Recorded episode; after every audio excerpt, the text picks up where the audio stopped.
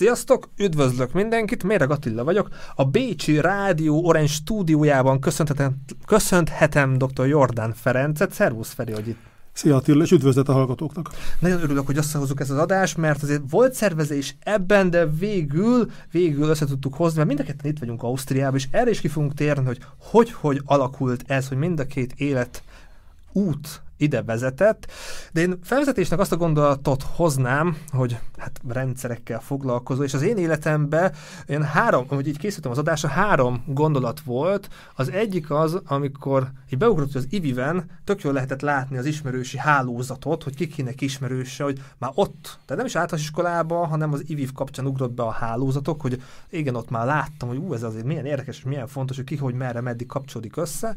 A második, eztán egy anekdota Karinti Től, ő mondta, hogy ha valakihez el akarsz jutni, három ember kell. Tehát ha én mondjuk Al Pacino, én nagyon szeretem Al Pacino-t, ha hozzá el szeretnék jutni, ki tudja, lehet egyszer, akkor a megfelelő emberekkel összekapcsolódok, akkor talán, tán elvileg három emberen keresztül eljuthatok hozzá.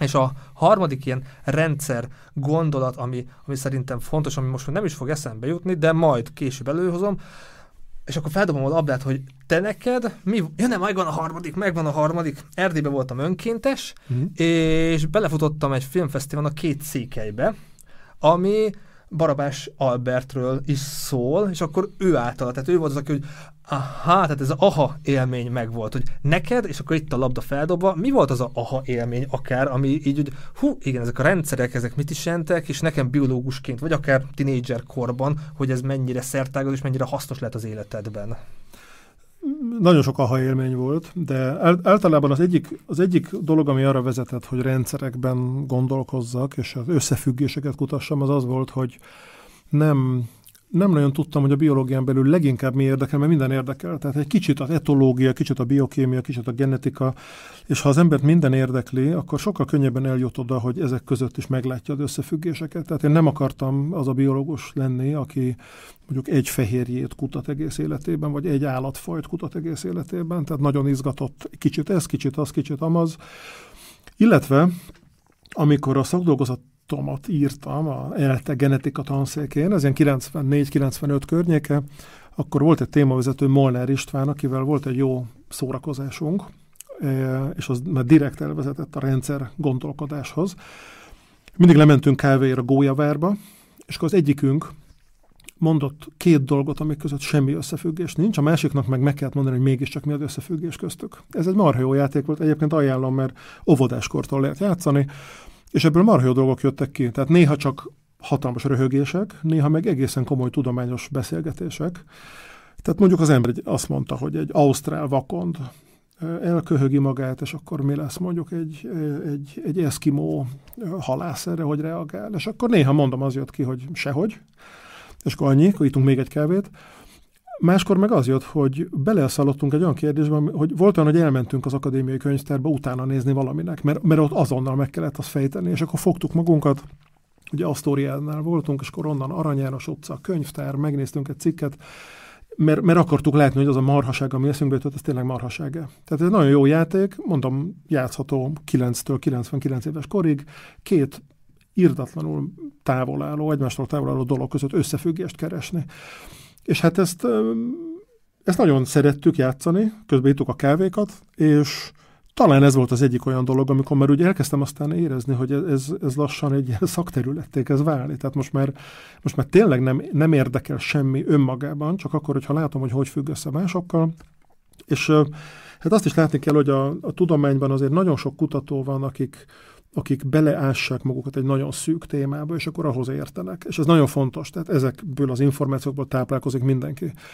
De kellenek olyanok is, akik megpróbálják ezeket a különálló kis, kis témákat, információmorzsákat összefésülni, összekapcsolni egymással, mert akkor fog összeállni a nagy kép.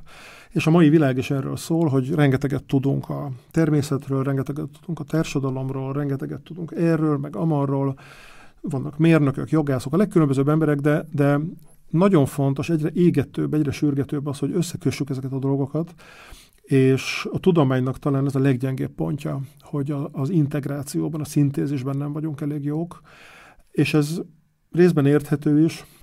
Egy csomó fiatalnak ugye amikor a, a, szeretné a karrierjét bebiztosítani, akkor, akkor próbál magának definiálni egy nist, hogy mi az, ahol ő otthon lesz, mondjuk úgy, hogy körbepisili, és akkor otthon az az ő kis vadászterülete, vagy a kis otthona, és akkor ő a legjobb, tehát mondjuk ő tud a legtöbbet a, nem tudom, pöttyös, hatlábú nyűnyükéről, és akkor ő nagyon büszke.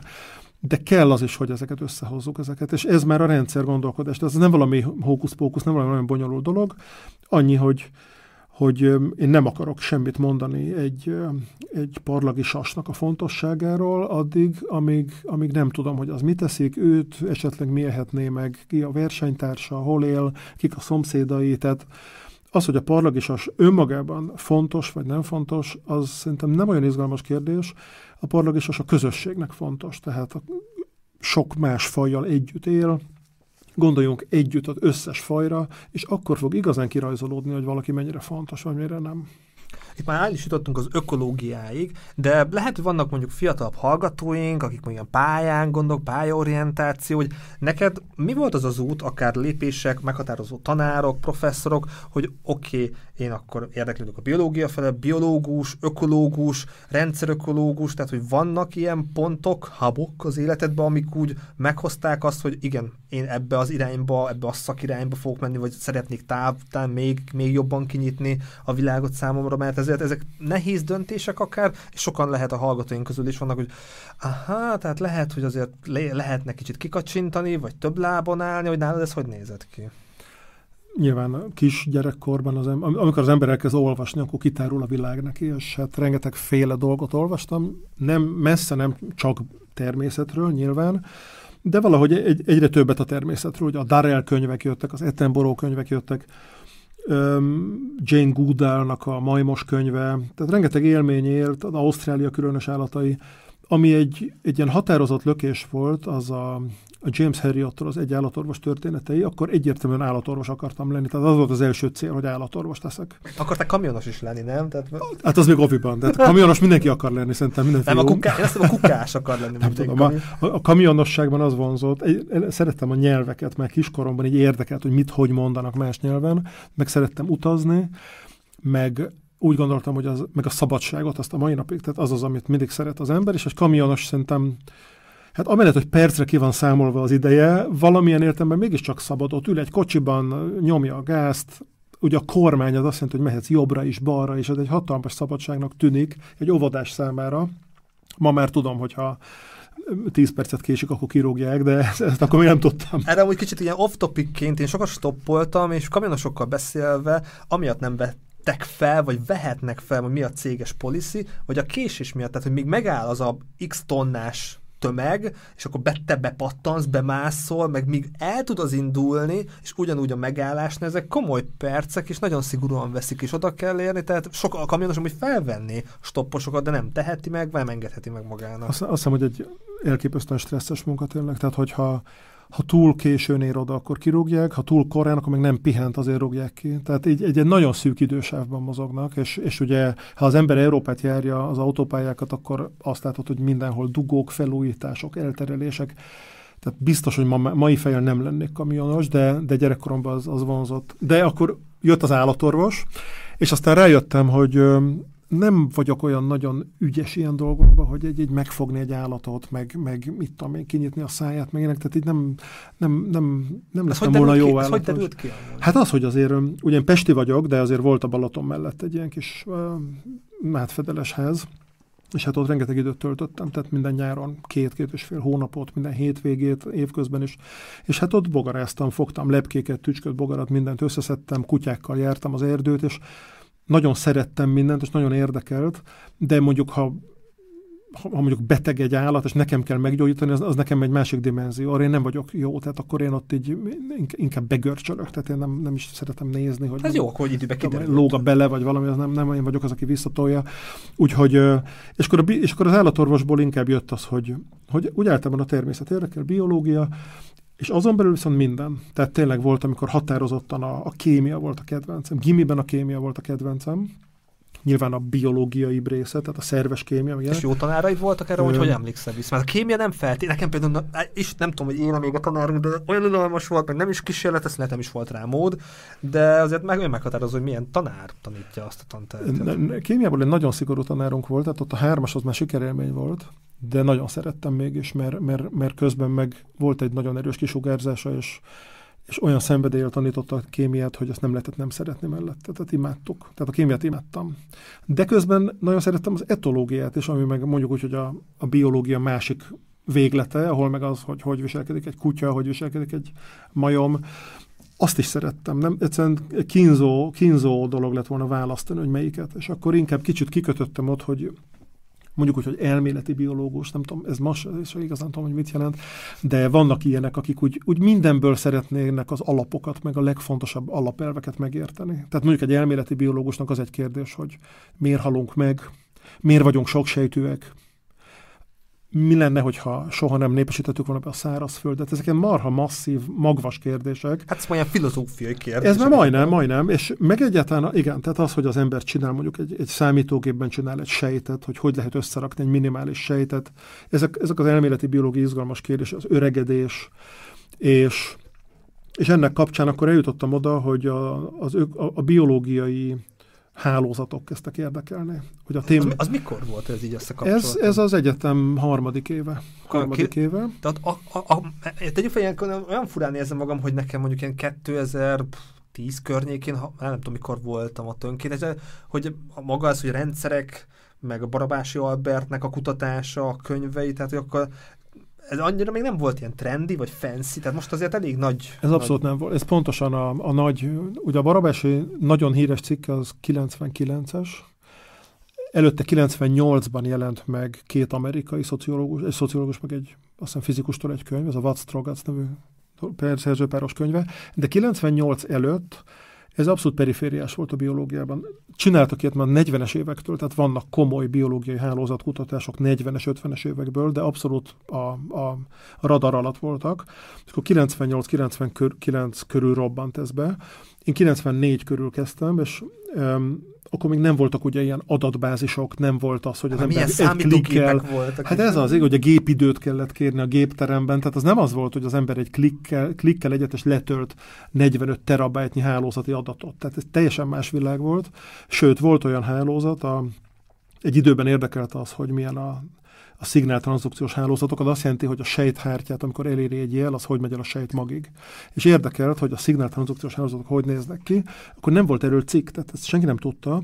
Rengeteg egy-egy kapcsolatról voltak cikkek, és, és az akadémiai könyvtárban elolvastam 5 millió cikket, a fél, öszt, fél ösztöndíjamat a fénymásológépbe dobtam be, tízesek, huszosok formájában, és mindegyik cikkből egy kapcsolat kijött, és akkor egy papíron, ceruzával így összerajzoltam ezeket, és hatalmas hálózat lett. Tehát egész más volt, mint most, amikor amikor már szóba se állnak az emberrel, ha nincs egy, nem tudom, mekkora adatbázisa, és, és az előtt se lehet kezdeni gondolkodni.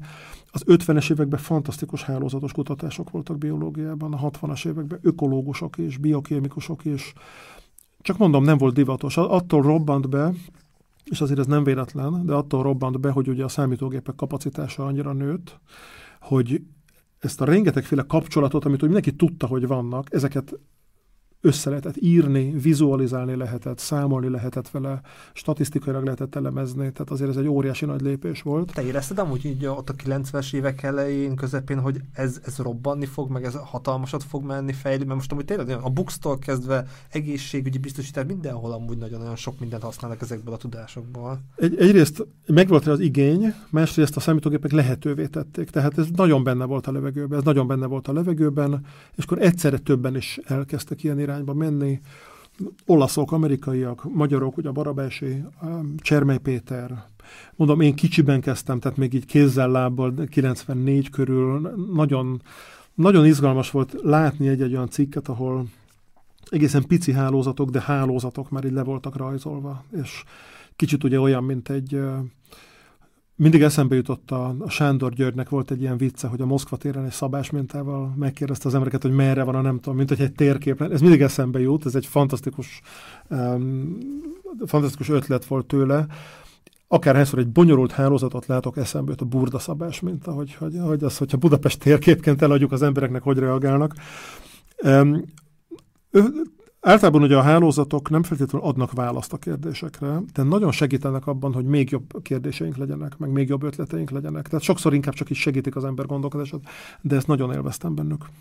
És itt mondtad, hogy a szakterület keresés, találás, akkor ott megvolt az, hogy igen, ez az én utam, és ebbe akarok még jobban elmélyülni, tehát ott, ott már megvolt ez a kis lámpa felcsillant, hogy oh, igen, e, erre most én ráharapok. Ez 93 volt, ezt pontosan tudom, tehát úgy általában ak- akkor még úgy minden érdekelt, és a témavezetőmnek az volt a mániája, jó értelemben, hogy a biológiai rendszerek megbízhatóságát kutatta, mennyire megbízható egy biológiai rendszer, és a megbízhatóságon emlékszem egyszer a genetikai tanszéken fénymásoltunk, és így a homlokára csapott, és mondta, hogy akkor mi lenne, hogyha az én témám az lenne, hogy a biológiai hálózatok mennyire megbízhatóak. Ugye lehet hálózatot építeni, bénát is, meg jót is, vajon mennyire jók a biológiai hálózatok.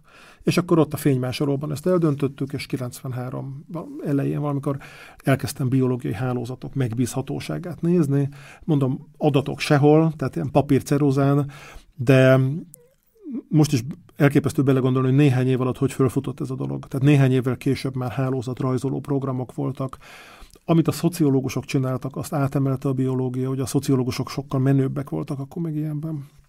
Itt, ahogy hallgatlak, rengeteg dolog, meg a jegyzetem is belenézek, rengeteg dolog beugrik. Maradjuk az, hogy a számítógépek hogy hogy fejlődtek, hogy a, te hogy gondolsz vissza így a 90-es években, hogy miket használtál számítógépnek, és mennyire volt ez nehéz, és mekkora nem azt mondom űrugrás, vagy időugrás, de azért ilyen szempontból a te munkádat is, a te életedet is, azért ezek a számítógépek, az algoritmusok, erősebb processzorok azért segítik, hogy ez, ez mekkora öröm, boldogság, hogy igen, még jobban lehet dolgozni, hogy fejlődünk, haladunk, és nem ilyen sötét középkor van, hogy döcögnek a dolgok, hanem fél évente akár jönnek ki olyan, olyan cuccok, programok, processzorok, amik tényleg azért látványos segítséget adhatnak.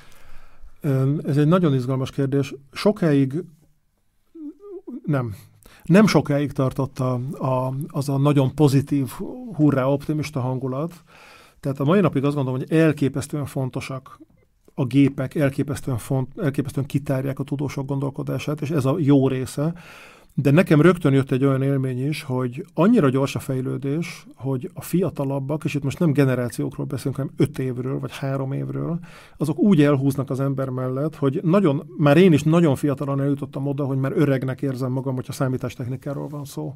Tehát én is ugye programoztam ilyen nyelven, olyan nyelven, és egyszer csak rájöttem, hogy amit tavaly tanultam, az már elavult. Te programoztál? Hát ugye általános iskolában basicben, ez nyilvánvaló. Wow, de én például nem, tehát én a 90-es évek végén voltam általános iskolás, ott programozás és se híre sem van, meg hát a gimi alatt is az informatika hát elég gyenguska volt. Tehát ez tök menő azért, hogy a te Hát én azt mondom, én, én nagyon szerettem mindig, és a mai napig szeretem, de nem vagyok jó programozó, sokkal, jobb, sokkal jobbak a, a fiatalabbak, és pont, pont ezért is, mert, mert tehát mondom, általánosban basic volt, akkor még az volt a király, volt ilyen basic verseny az iskolában, meg minden akkor a gimnázium az nagyon érdekes volt, mert ott nem tanultunk programozni, de volt számítástechnika.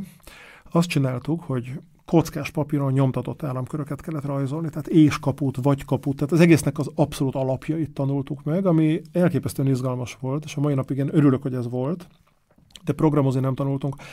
Egyetemen Pascalt kezdtem el tanulni. Megtanultam a Pascalt, ugye. Önszorgalom? A... Önszorgalom? Nem, volt egy ilyen óra, volt egy ilyen óra, egy ilyen kötelezően választható, vagy szabadon választható. És akkor megírtam azt, hogy a Führeliszt eljátsz a Pascalban, és nagyon örültem. És pont ott jött egyébként egy nagyon érdekes, két törés jött egymás után, ami, ami aztán azzal a hatással járt, hogy nem vagyok egy, egy ilyen virtuóz programozásban. Az egyik az az volt, hogy mire a Pascalt nagy nehezen megtanultam, és ötöst kaptam év végén, már volt, aki kiröhögött, hogy hogy lehet Pascal tanulni, ez már rég elavult, de hát szeptemberben még azt mondták, hogy modern, tehát ezt most kicsit nyilván eltúlzom, de volt egy ilyen élményem, hogy annyira gyors a fejlődés, nem, én nem akarom az életemet arra áldozni, mondjuk úgy, hogy állandóan update magam, és állandóan követem. A másik meg az, hogy biológusból végzett akkor 40, programozóból 150. Gondoltam, hogy ők profik, ők ebben jók. Én majd mindig én leszek a biológus, aki kooperál programozókkal. Ha ők ebben jobbak csinálják ők, én meg mondom az ötleteimet, hogy miket kéne csinálni. Ez így működik a mai napig egyébként. Tehát vannak körülöttem fiatalok, PhD hallgatók, posztdokok, akik marha jól programoznak, igazi virtuózok a számítógépen, és inkább velük dolgozom. Nyilván egy, ma már szinte minden biológus vagy majdnem minden biológus programozzik valamilyen szinten, de nem, főleg egy elméleti biológus, vagy egy modellező, de sose ez volt nálam a preferencia. Sose ez volt a preferencia, és azt is meg kell mondanom, hogy rengeteg olyan, olyan kutató van, akik, akik igazából ilyen marhaságokat kutatnak, de, de látszik, hogy, hogy nagyon élvezik a, szám, a, a programozó oldalát. Tehát e, ilyen, ilyen, ilyen számítógép mániások, akik aztán elkezdték, hogy ők most ökológusok, de meg lehet mondani róluk, hogy ennek semmi köze az ökológiához, csak értem, hogy élvezi a programozást, de hülyeség. De nem lehet, hogy mondjuk 50 év múlva uh-huh, azért nem is volt az de olyan rossz, az hogy... lehet, igen, az lehet, hogy nem is azt mondom, hogy teljesen fölösleges, amit csinálnak, inkább úgy mondom, hogy látszik rajta, hogy alapvetően nem az ökológiából jön a probléma, vagy nem a biológiából jön a probléma, hanem a dolognak a technikai részét élvezik, és néha ez, hát mondjuk úgy, hogy megmosolyogtató egy picit Egyszer, mondok egy példát, jó, mert ez szórakoztató. Szoktam ugye bírálni cikkeket folyóiratoknak, tudományos folyóirat, ezt minden kutató csinálja, és egyszer szembe jött egy olyan cikk, amit egy fizikus írt, és az volt a lényege, hogy ő csinált egy olyan modellt, ami mindent tud. Minden tud mindenről, tehát egy fantasztikus modell. De sajnos a modell eredményei azok abszolút semmi közük nincs a realitások, az adatokhoz. Tehát tök más. És az volt a konklúzió, hogy a biológusok még mindig elég bénán gyűjtik az adatokat. Na ez volt az egyik ilyen, ami, amikor úgy éreztem, hogy azért nem mindegy, hogy honnan jön az ihletés, a számítógép irányából vagy a természet irányából. De a, gyorsan hozzáteszem, hogy valaki félreértse, hogy a, a jó programozók, akik jól tudnak kollaborálni egy biológus, azok aranyat érnek. Tehát anélkül nincs ma már biológia, nincs kutatás. Tehát iszonyú fontos, nagyon jó, nagyon fontos én már, én már 49 évesen nem is próbálom fölvenni a versenyt, az, nem is a versenyt, nem is próbálom követni, hogy mi minden, tehát egy szót nem értek abból, amikor egy 30 meg egy 25 éves beszélget a számítógépről. De majd fogunk beszélni az okostelefonokról, mert azért gyakorló apa is vagy, vannak idő, már van két nagyobb gyereked, meg a mostani pici miatt mm. is, hogy azért a technológiát, okoskütyüket azért követned kell, hogy azért képbe legyen meg, hogy érts, mit szeret, mit használ és társai. De a Friderikusnál is említetted az edukáció fontosságát, és most is azért említetted a kémiatanárodat, tök jó, hogy már programoztatok, hogy ma, és az edukáció szerintem is nagyon fontos, meghatározó az én generációmnak is, a utánunk jövő generációnak is, hogyan gondolkodnak, hogyan fejlesztik maguk, fejlesztik magukat, hogy neked alapból az edukáció most így 2022-ben, hogy te apaként is azért láttad már a két gyerekednek, hogy milyen élményei voltak akár több országban, a saját élményeidből is, meg így frissen itteni élményekből, hogy most itt van időnk ezt egy kicsit jobban kifejni, ott a Fridrikosznál nem mentetek bele jobban, de, de nagyon érdekelne, hogy te az edukációnak a fontosság, meg most is azért folyamatosan vannak tüntetések, tehát nagyon aktuális, és szerintem jó, hogyha beszélünk erről. Hú, honnan is kezdjem? Több irányból lehet kezdeni. Legfölülről kezdem, jó? Leg, legmesszebbről kezdem. Szerintem a demokrácia egy marha jó dolog, de csak akkor működik, hogyha az edukáció is mellé van rakva. Tehát ha értelmes információkkal bánni tudó, információkat felelősen fogyasztó emberek alkotnak egy demokratikus közösséget, az egy fantasztikus dolog. Ha buta, vagy, vagy szellemileg igénytelen, vagy nem törődöm emberek, akik a tudásra nem éheznek, az, az információ forrását nem látják, ha ezek alkotnak demokratikus közösséget, az életveszély. Tehát mert akkor ugye az, hogy a tömeg dönt, az, az egy nagyon egyszerű manipulációval átfordítható egy másik irányba. Tehát szerintem, ha egy ilyen társadalmi szinten nézzük, akkor a, a demokráciához egy nagyon-nagyon fontos dolog az, hogy legyen egy, és itt most nem arról van szó, hogy mindenki Nobel-díjas tegyen, meg mindenki tudja fejből a, a függvénytáblázatot nyilván, hanem arról, hogy felelősséggel, értelemmel kezeljünk információkat, híreket tudjunk fogyasztani, stb. stb. Lemegyek akkor most a legalsó szintre, a család, ott meg egy, szerintem egy hihetetlenül jó dolog, amikor az ember elmagyaráz valamit egy gyereknek, és látja, hogy a gyerek azt megérti. Tehát ez egy őrült jó dolog. Arról, arról nem is beszélve, hogy sokszor miközben az ember magyaráz, akkor jön rá, hogy ő se ért valamit teljesen, és akkor egy, kap vissza egy kérdést, és akkor le, lefagy a rendszer. Um, ezt, ezt mondjuk leginkább egyetemi, elő, egyetemi előadásoknál lehet tapasztalni, tehát oda, hogy az ember nagy mellényem, és valamiről beszél, és a harmadik percben kiderül, hogy először meg kellett volna érteni, mielőtt elmondom.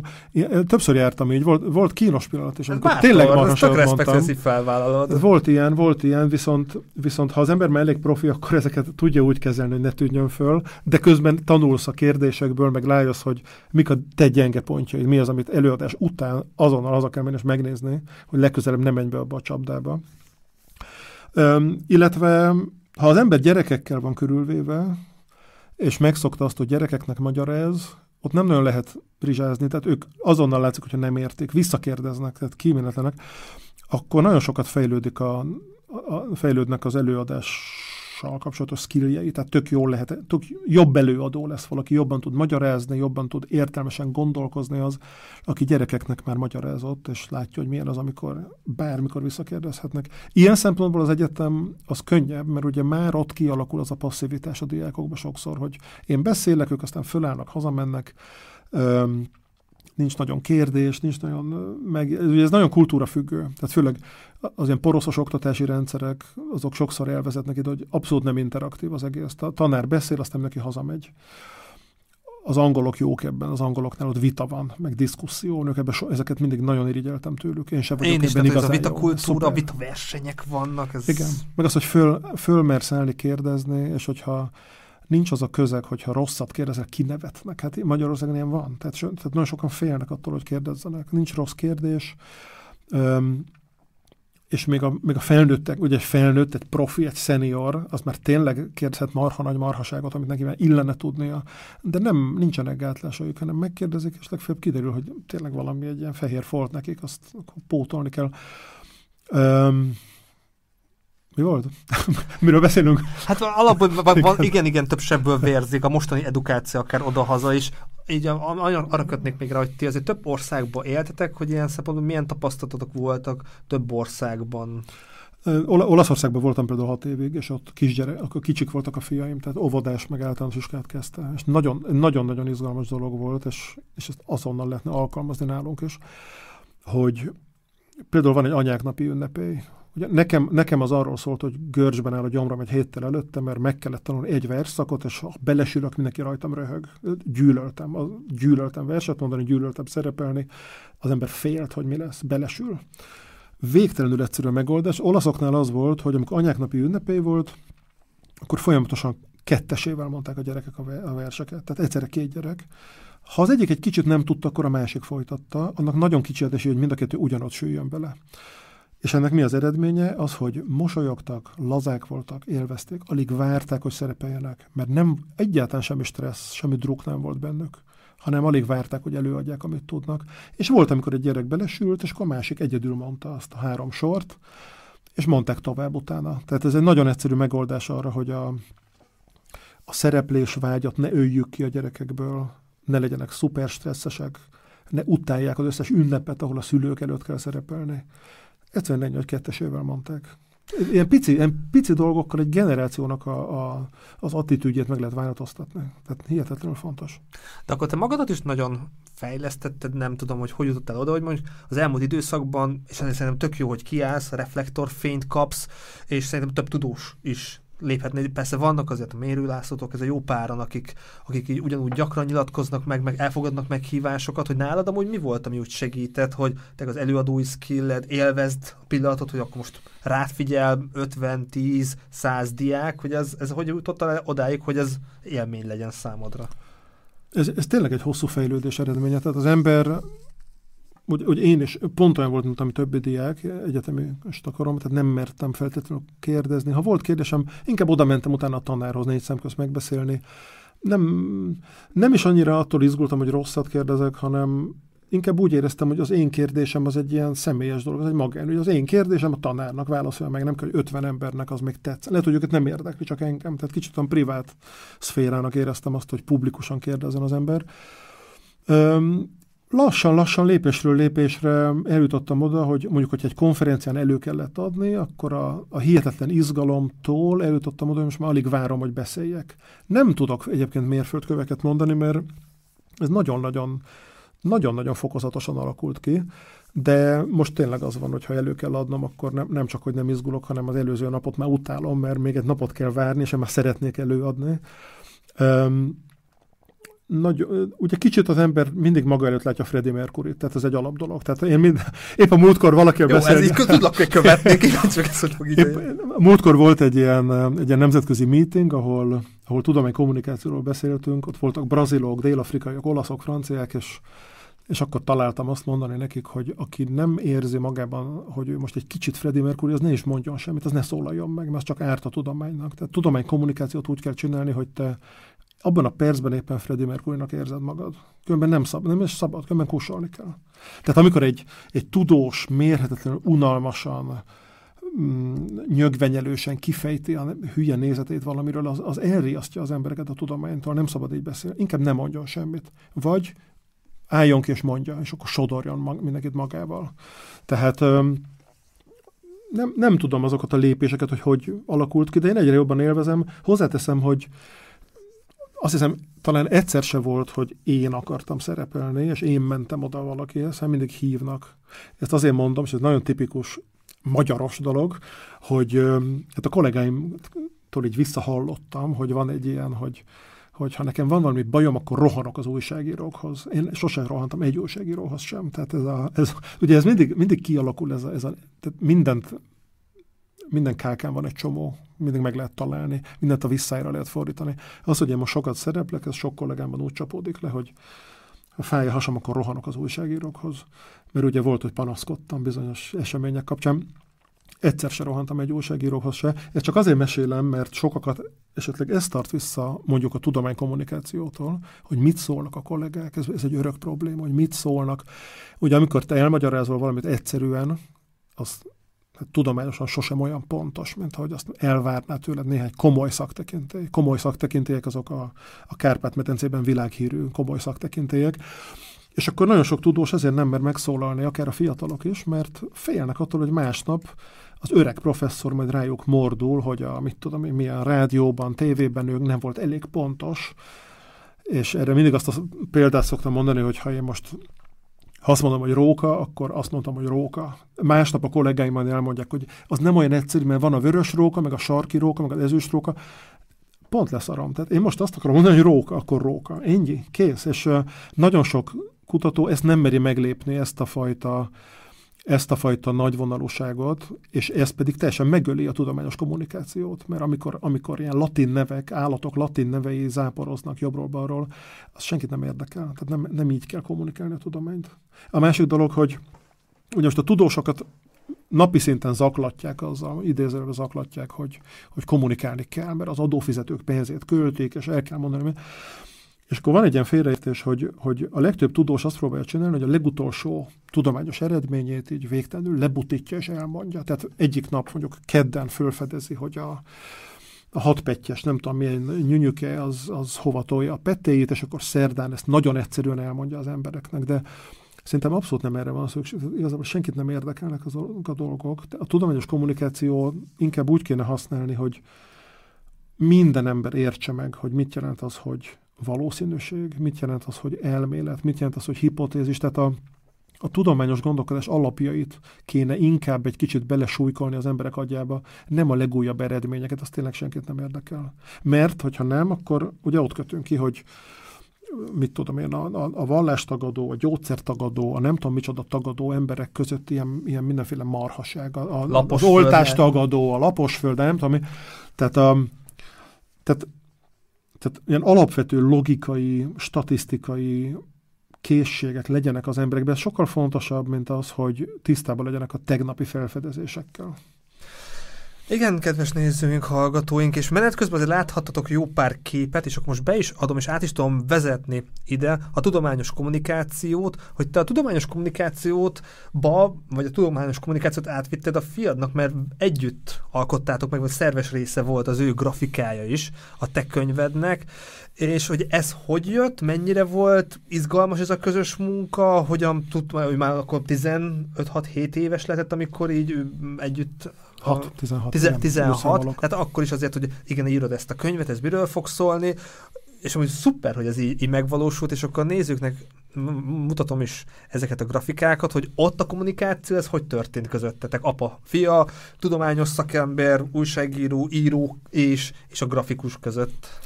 Igen, hát ugye akkor a, a fiam gimis volt, és a hobbi az volt, hogy rajzolt, azóta is nagyon szeret rajzolni. Ilyen autodidakta módon rajzolgat, néha ilyen egyszerűbb inkább ilyen, ilyen karikatúraféle stílusban, máskor meg ilyen hatalmas, bonyolult, komplex rajzokat gyárt, mind a kettőt nagyon szeretem. És az volt, hogy amikor az első nagy Covid járvány volt, akkor én a Tihanyi intézetben voltam igazgató, és el kellett döntenem. Nem én hoztam fel. amikor, amikor, hát kellemes téma, amikor ugye dönteni kellett, hogy hova zárkózzon be az ember, akkor volt ez a nagyon erős bezárkózás. És el kellett döntenem, hogy vagy Budapestre zárkózom be, és akkor nem látom az intézetet esetleg hónapokig, vagy Tihanyba, de akkor nem látom a családot hónapokig. Úgyhogy a végén az lett a kompromisszum, hogy családdal lementem a Tihanyi intézetbe, ott vannak, van egy vendégház, tehát vannak ilyen szobák, elképesztően kényelmetlen egyébként. Tehát mielőtt valaki azt hogy nyaralni mentem, meg jaktozni, borzalmas pokoli kényelmetlen, de hónapokat ott töltöttünk. És hát a, a fiam is ott volt, tehát be voltunk zárva az intézetbe, és én akkor megírtam ezt a könyvet, három-négy hét alatt, tehát nagyon gyorsan elkészült, és közben meséltem neki, hogy írok egy könyvet, most nem is, nem is tudom, hogy melyikünk ötlete volt, de így hirtelen kipattant, hogy mi lenne, ha minden fejezet végére ő rajzolna egy ilyen záróképet, Na, beszélgettünk, nem is kellett túl bonyolítani, kicsit meséltem, hogy miről szól a könyv, mondtam, hogy milyen fejezetek vannak, ő meg mindegyikhez gyártott egy rajzot, körülbelül a rajzok 70-80%-a bele is került, és akkor a kiadóval ugye meg kellett beszélni, hogy az oké -e. ez e-book volt, ott minden egy kicsit lazább, tehát való, nem biztos, hogy nyomtatásban ez mehetett volna, de e-bookba mehetett. És akkor én meséltem, hogy, hogy éppen miről szól egy fejezet, ő meg legyártott két-három rajzot, abból kiválasztottuk a legjobbat, utána mindent beszkenneltünk, és ment az egész egy nyomdába, hát úgy nyomdába, hogy egy e-book nyomdába megy. Összeszerkesztettük az egészet. Marha, a, ő egy nagyon egyszerű eset, tehát nem kell itt végtelenül bonyolítani mindent. Megértette, megrajzolta, kész volt, ment, kész. Tehát nagyon, nagyon izgalmas volt, hogy, hogy mennyire vette a lapot. És, és amikor mondtam egy fejezetről négy mondatot, abból ő pontosan érzékelt, hogy ide milyen rajz kínálkozik. Azóta is egyébként autodidakta módon rajzol, tehát nem, nem, nem akarja, hogy ez a munkája legyen, ez a hobbija, de egy marha jó hobbi, tehát elképesztően jól el tud vonulni, ki tud kapcsolódni, fölvesz a fejhallgatót, és óriási rajzokat gyárt. Ezek éppen ilyen, ilyen kis egyszerűbbek, de van, amikor ilyen hatalma, hatalmas, nagy, borzalmasan komplex dolgokat alkot, és fantasztikusan néznek ki, de a könyvhez ezek illettek, ezek a kis picik kis illusztrációk. Nagyon klassz volt ezeket és a tudományt hozzá közelebb hozni, a tudomány, akár az egész világ, ami volt így a Covid alatt és társai, tehát ezekről akár szakemberként, vagy akár apaként mennyire volt könnyű, mennyire volt jó így erről beszélni, vagy igen, mennyire volt könnyű erről így beszélni? Semmiképp sem. Szakemberként, apaként ezekről meséltem, tehát igen, el, elmeséltem egy-két dolgot, és, és nagyon, nagyon könnyedén vette a lapot, megértette a lényegét, egy, egy, látszik is a rajzokon, hogy megértette egy-egy fejezet lényegét, Egyébként nagyon, nagyon-nagyon szerencsés vagyok abban az értelemben, hogy a, a fiaim most már jó nagyok, de nem, nem ezek az ilyen idegesítő kamaszok, akiket nagyon kell csapni egy péklapáttal, hanem lehet velük beszélgetni. Meg, megkérdezni, hogy mire gondolsz, de akkor... lehet velük beszélni, lehet velük nagyon sokat beszélgetni, nagyon értelmesen. És Így a technika, csak hogy off a technika miatt akár, hogy hogy fejlődik a technika, mennyire zombisodnak, akár a TikTok és társaimra gondolsz itt, vagy milyen? Nem, nem, nem. Itt által ez az univerzális kamaszkor, amikor, ja, amikor ami, ami, már szerintem tízezer éve, amit túl kell élni, ők igazából nem voltak sose ilyen elviselhetetlenek. Legalábbis számomra nem, lehet, hogy másnak igen, de, de ővelük mindig, például egy, egy időben laktam Berlinbe, és akkor ők kocsival volt, hogy mentünk Berlinbe. Tehát beültem a fiúkkal, és én arra számítottam, hogy fölvesznek egy fejhallgatót, és zenét hallgatnak végig. Volt, amikor tíz órát végig beszélgettük, és akkor szóba jött minden a, a, a, a világgazdaságtól kezdve a természetvédelemen át, a, nem tudom, a járványokig minden. Tehát tök jól lehet velük beszélgetni, és, és egyik se tudós, az hozzáteszem, egyik se biológus, de ennek ellenére nagyon, a, a, ennek ellenére értelmes emberek. Irányban amúgy, lehet, hogy kutatás, bármi ilyesmi, valami körvonalazódik, hogy mi lesz belőlük akár? Abszolút nem. Az egyik az abszolút um, humán és, és grafika, tehát az eltére jár nemzetközi kapcsolatok szakra és grafika a hobbija, és imádja a francia nyelvet. A másik pedig a Corvinusra jár, de napi 24 órában dobol. Serotonin Valley nevű együttesnek a dobosa, és, és éjjel-nappal dobol. Tehát uh, egyik se biológus, aminek én örülök, nem, nem feltétlenül kell mindenki biológus legyen. És a kicsiből mi lesz? Így van, van a kicsi most másodikos, ő belőle meg bármi lehet, szerintem konkrétan a, Nem, szerintem ő, ő minimum, minimum a, az ENSZ főtitkára lesz, így látva az ambíciót, meg a benne összpontosuló energiákat, de vagy az ENSZ főtitkára, vagy olimpikon, vagy Nobel-díjas, semmi más nem jön szóban nála, azt hiszem. Tehát egy nagyon van benne svung. De akkor nektek nem volt így tudatos, hogy akkor a reál tantárgyakat, vagy a humán tantárgyakat, ami őket érdekli, akár a zenélés, ez az amaz, tehát ilyen szabadon hagytátok, tehát nem próbáltatok nagyon erősen terelgetni, azt így lehet így mondani? Abszolút nem. Én mindig két dolgot mondtam nekik, és erről is beszélgettünk, tehát ezt nem mondtam nekik, hanem beszélgettünk. Az egyik az az volt, hogy bármit is csinálnak, én azért örülnék, ha lenne egy diplomájuk. Bármiből, tehát bármiből, de ha van egy diploma, az nem baj. És nem azért, mert a papírtól lesz valaki ember, hanem azért, mert az, hogy egyetemre jár, az egy olyan időszak az életben, ami szerintem jó kipróbálni. Ez egy jó dolog. Nem kötelező, de jó dolog. Tehát egyik, amit mondtam, hogy legyen diplomájuk, ha lehet, tök miből. A másik meg az, hogy tanuljanak nyelveket, mert változik a világ, mindig minden változik, nem tudjuk a jövőt, rugalmasnak kell lenni, és a rugalmasság egyik alapja a nyelvtanulás, és egy dolog, hogy mindenki angolul beszélt, az angol az mondjuk, hogy kötelező, de még egy-két nyelvet tudni, ez kulturálisan is jó, az ember kicsit intelligenciája kicsit csiszolódik tőle, meg mit tudja hogy hol köt ki, úgyhogy a, mind a kettőnek van már három nyelvvizsgája, és a nagyobbik, a, do, a dobos fiam, aki most 20 éves, ő most elkezdett két hete portugálul is tanulni, tehát az lesz a negyedik majd, imádja, hogy most portugálul tanul, most az a, az a szórakozás, hogy portugálul tanul az egyetemen. Ennek örülök, ez nagyon jó dolog, tehát tényleg nem tudja az ember, hogy hol köt ki. Európa közepén nyilván a német a legjobb, egyébként az angol az mindenhol jó, de hogyha valaki éppen olaszul, olaszul is mind a kettőnek van középfokúja, olasz is jó, ezek jó dolgok. Egy latin nyelvet nem már tudni szerintem mindegy melyiket. És ahogy így, ahogy így hallgatlak, és beszélt, mondod, hogy a, a tudás, a tudást megszerezni, a tudomány fontossága, nekem az ugrott be, hogy én, ahogy mondjuk a algoritmusokkal foglalkozok, a social médiával, én például azt hiszem, hogy egyre hülyébb vagyok, hogy egyre mélyebben belemegyek a nyúlöregébe, hogy neked amúgy így a tanulás, tudomány területén volt ilyen érzésed, van ilyen érzésed, hogy mintha egyre kevesebbet tudnál, annyi információ, annyi mindent tudsz? Egy kutatónak nagyon hamar el kell oda jutnia, hogy azt látja, hogy minél többet tanul, annál kevesebbet tud relatíve. Tehát egyre inkább látja, hogy mit nem tud. Ez nagyon fontos, hogy egy kutató úgy érzi, hogy ő már mindent tud, és már csak pici részletek vannak hátra, az, az biztos, hogy rossz kutató lesz előbb-utóbb. Tehát ezt meg kell szokni. Egyébként Szerintem van olyan kutató, aki azért hagyja abba a pály, azért hagyja el a pályát, mert, mert ez neki egy rossz érzés, hogy, hogyha, hogyha elolvasok egy könyvet, akkor még tizet kell hozzáolvasni, és van, aki ezt nem bírja, ezt nem bírja megemészteni. Tehát az, a, az hogy az ember egyre butábbnak érzi magát, ahogy, ahogy képzi magát, az, ez meg kell szokni, ez van. Um, igen, ennyi, ennyi, erről ez és ahogy a tudomány alakul, fejlődik, okoskodjuk a zsebünkbe, egy csomó mindent tudunk, de egy csomó mindenre nem találunk megoldást, a túlnépesedéstől kezdve, élelmezés, szárasság, és ez ugye jött is kérdés, akkor ezt be is olvasom, hogy mi a véleményed a Geren- Gelencsér Andrásnak a megnyilvánulásáról, a civilizá- civilizációnknak az összeomlását, illetve a mély, alk- mi az mély alkalmazkodás, a mély alkalmazkodás mozgalmáról, most ez nem tudom, ez, ez csak egy kérdés, azt felolvastam. Ez a deep adaptation, igen. Um, abszolút felemás a véleményem, tehát uh, egyrészt, hogyha arra gondolok, hogy, hogy, hogy meg, mennyi tudásunk van, és mennyi mindent tudnánk változtatni, akkor elég optimista vagyok. Tehát egy csomó mindent meglepően könnyen jó irányba tudnánk terelni, természettel kapcsolatban és a társadalommal kapcsolatban is. A, mindig annyira reménytelennek tűnik a természet ügye, meg ember és természet viszonya, de egyáltalán nem annyira reménytelen, és rengeteg dolgot lehetne csinálni. Tehát ez az optimista oldal. A másik, a pessimista oldal, és nyilván itt értek egyet a Gelencsér professzorral, mert ő azért inkább pessimista, az az, hogy azt látom, hogy semmi nem fog történni, abszolút. Tehát egyrészt mérhetetlenül rugalmatlanok vagyunk, és képtelenek vagyunk megváltozni. És ez valószínűleg azért is van, mert egy borzalmasan bonyolult társadalmat építettünk, borzalmasan bonyolult bürokráciával, borzalmasan bonyolult döntéshozatallal. Fú, te igazgatóként ebben nagyon beletenyelhetél, akkor gondolom ebbe a bürokráciába, hogy felhoztad. De... az mindig följön, az, az egy neuralgikus pont.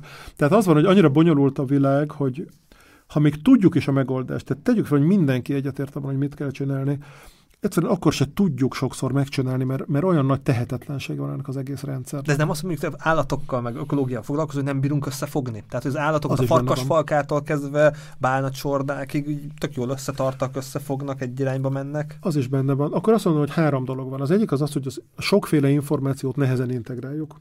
A másik az az, hogy még ha integráljuk is, nem tudunk összefogni, tehát nem tudunk egy irányba menni ugye itt most nagyon komoly problémákat kell megoldani, tehát elvileg egy, egy világméretű kompromisszumokon alapuló összefogás kéne, hát esélye nincs. És a harmadik meg, hogyha még tudjuk is, és még össze is fogunk, annyira, annyira nehézkes a, a gazdasági, a jogi, a politikai, a nem tudom milyen döntéshozatali rendszer, hogy képtelenek vagyunk jó irányba elindulni, képtelenek vagyunk bármilyen irányba elindulni. Tehát sokszor a saját társadalmi rendszerünknek a rabjai vagyunk, és csak így sodródunk, mert, mert ugye amikor például ilyen, ilyen gazdasági válságok jönnek, hát nagyon nehezen mondják azt meg előre, hogy mikor lesz, mi lesz, hogy ez azok így megtörténnek néha. Társadalmi nagy, nagy krízisek, és a természeti problémák is olyanok, hogy, hogy nagy vonalakban tudjuk, hogy mik a gondok, de, de azért lépten érnek minket meglepetések. Nagyon bonyolult a rendszer, és nagyon nehezen. Tehát valószínűleg az első lépés, hogy, hogy, hogy egy jobb világot építsünk, az az lenne, hogy tudatosan leépíteni az ilyen borzalmasan bonyolult társadalmi rendszereket, egyszerűvé tenni, és akkor könny- onnantól lenne egyáltalán esélyünk, hogy megváltoztassunk valamit. Addig Tehát nem is, az, nem is az edukációt hozott fel, hanem mondjuk tényleg ez a bürokratikus hálózatrendszer életmódunkon kellene azt hiszem, mind a kettő, ettől függetlenül az edukáció is fontos, tehát hogy tudjuk, hogy mit akarunk, meg, meg legyen, legyennek, legyen tömegigény a jóra, ami most úgy mondom a jót, mint hogyha azt én mondanám, meg persze én mondom meg mi a jó, mindjárt diktálom, tehát hogy legyen igény jó egy, egy, egy, egy, egy, egy, a jó király, igen, a jó király. Tehát ha tömegigény van a, mondjuk a környezet tudatos életmódra, és ilyen értelemben mondjuk, hogy jó irányba megy a társadalom, akkor jön az, hogy tudunk-e változtatni, egyáltalán képesek vagyunk arra, hogy megváltoztassunk ilyen őrült, bonyolult rendszereket. És akkor erre egy példa a túlnépesedés, ahol mindig azt mondják, hogy, hogy egyáltalán nem lehet elindulni se ilyen irányba, mert hogyha hirtelen elkezd csökkenni az emberiség létszáma, és sok lesz az öreg, akkor kitartja őket el. Tehát ugye a nyugdíjrendszerrel ez a probléma.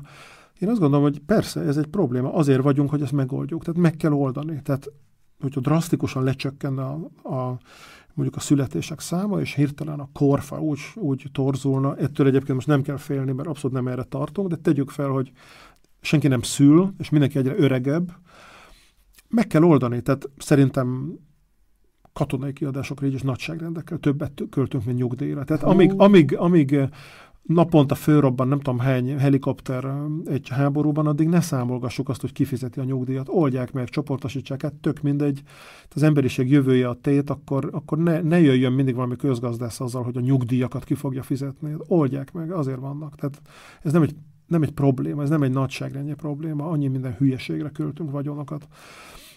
És ezt is csak arra mondom, hogy a bonyolultság. Tehát van egy rendszer, ami valahogy működik, és nagyon sokan még a gondolattal se játszanak el, hogy mi lenne, hogyha nagy változások lennének, és itt jön a deep adaptation, mert most már túl vagyunk azon, hogy hogy mondjuk a 47-es törvény hatodik cikkében egy mondatot átírjunk. Tehát alap, alapvetően új, tehát új alapokra kell helyezni nagyon sok mindent a, a társadalomban, illetve ember és természet viszonyában. Tehát az, hogy mérhetetlenül írtjuk a természetes élőhelyeket, mérhetetlenül nagy agrárterületeket hozunk létre, mérhetetlenül szennyezzük a tengert mondjuk műanyagokkal, lassan egyre komolyabb ivóvíz problémák vannak, vannak afrikai települések, ahol 15 kilométert kell gyalogolni egy pohár vízért, ezek már nem nagyon tartható dolgok, és, és vagy belerohanunk egy szakadékba, vagy valami komolyat változtatunk, de akkor ez tényleg komoly kell, hogy legyen. Tehát nem arról van szó most, hogy a, a repohárért visszaadják az árát, vagy nem adják vissza, tök mindegy. Tehát nem a repohár fogja megoldani a dolgokat,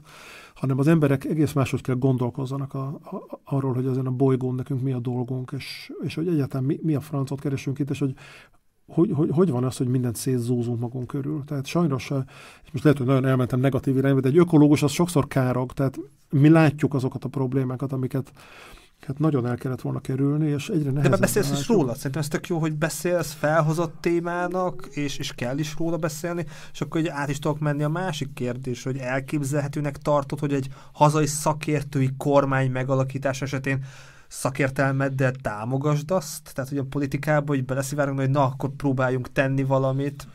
Ö, nem. Ez a gyors válasz, de azért kifejtem. Nemzetközi szinten bármit. Nagyon szívesen adok, benne vagyok testületekben, nagyon szívesen veszek részt bármiféle nemzetközi munkába, ahol értelmes dolgok történnek, és nagyon örülök, hogyha hasznos a szakértelmem.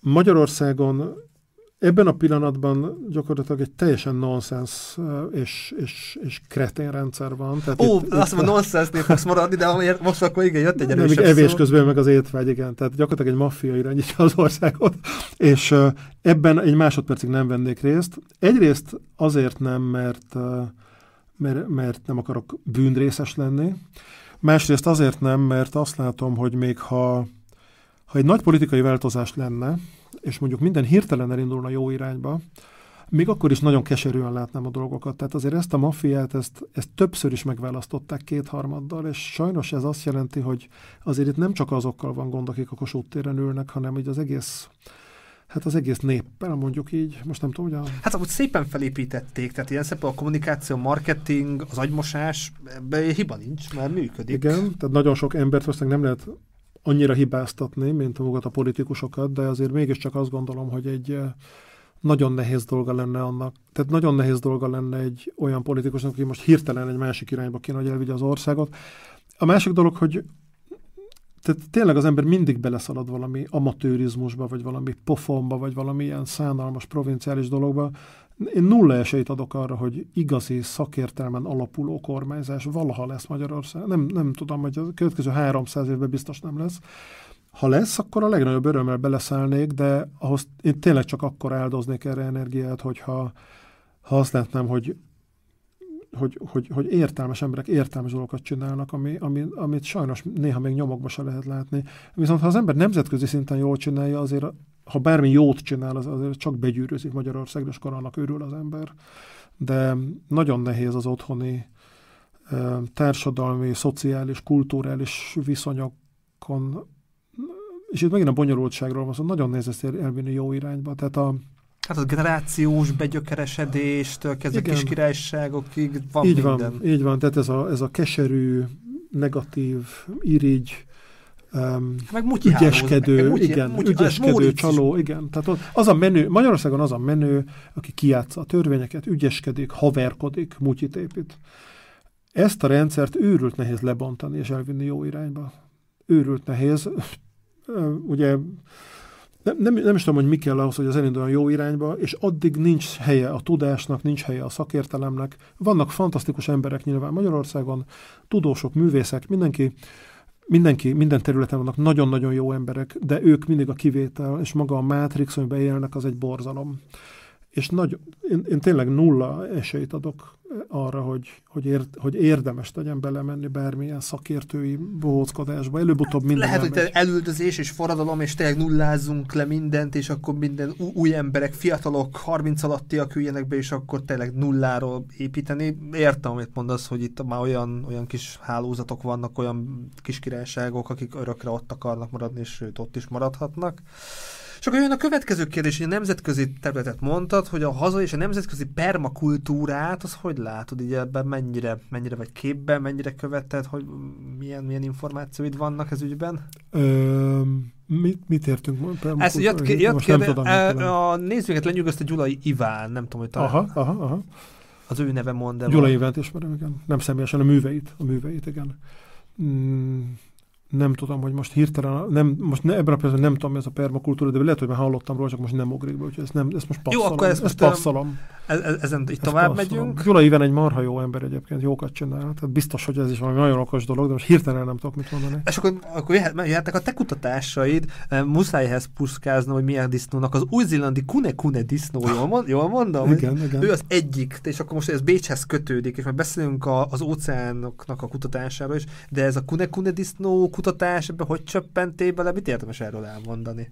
Voltam egy évig Berlinben, egy intézetben, ahol a, a hogy mondják, a, a board, tehát a, a, a testületnek az egyik tagja, akik ott eldöntik, hogy mi legyen, az egy, az egy bécsi kutató az állatorvostudományi egyetemről, és ott tartottam egy előadást, és utána odajött, hogy amiket csinálok, amiket most hallott tőlem, az nagyon izgalmas lenne őnek is, mert őnek is vannak disznói még hozzá, a, ugye az Állatorvosi Egyetemen dolgozik itt Bécsben, pontosan a Messerli intézetben, ez azon belül egy ilyen kis biológiai kutatóintézet, és Bátfőszlan mellett van egy kis kísérleti terepük, telepük, ahol Kune disznó kondája van, körülbelül azt hiszem 34.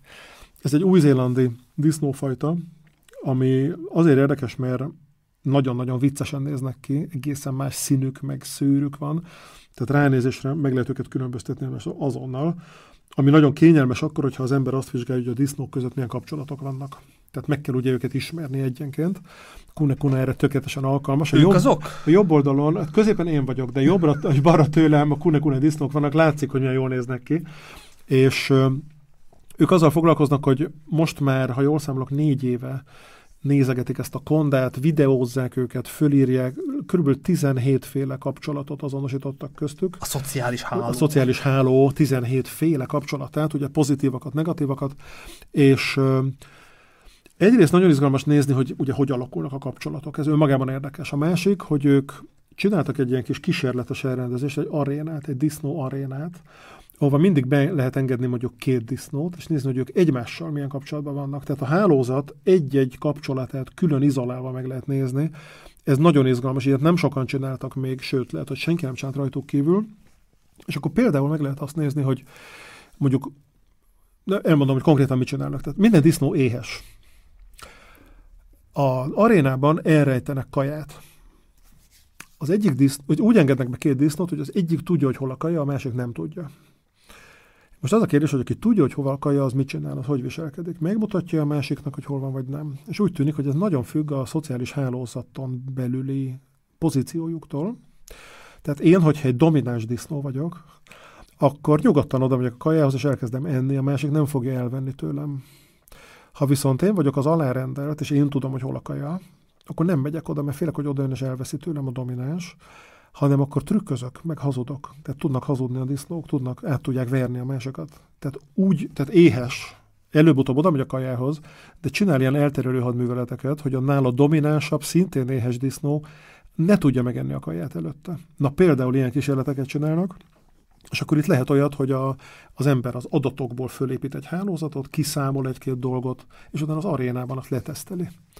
Na most hát ugye hogy a lajtán túl sem fenékig tejfel az élet, erre bizonyíték az, hogy éppen most van elfogyóban a pénzük, tehát sajnos úgy tűnik, hogy föl kell, hogy adják ezt a kísérleti rendszert. Nincs pénz a disznókra, pedig nem sok. Azt hiszem évente talán 6 millió forint kéne, tehát az tényleg nem egy összeg. De most, most éppen költözés alatt vannak a disznók, valahol Salzburg körül fogják folytatni.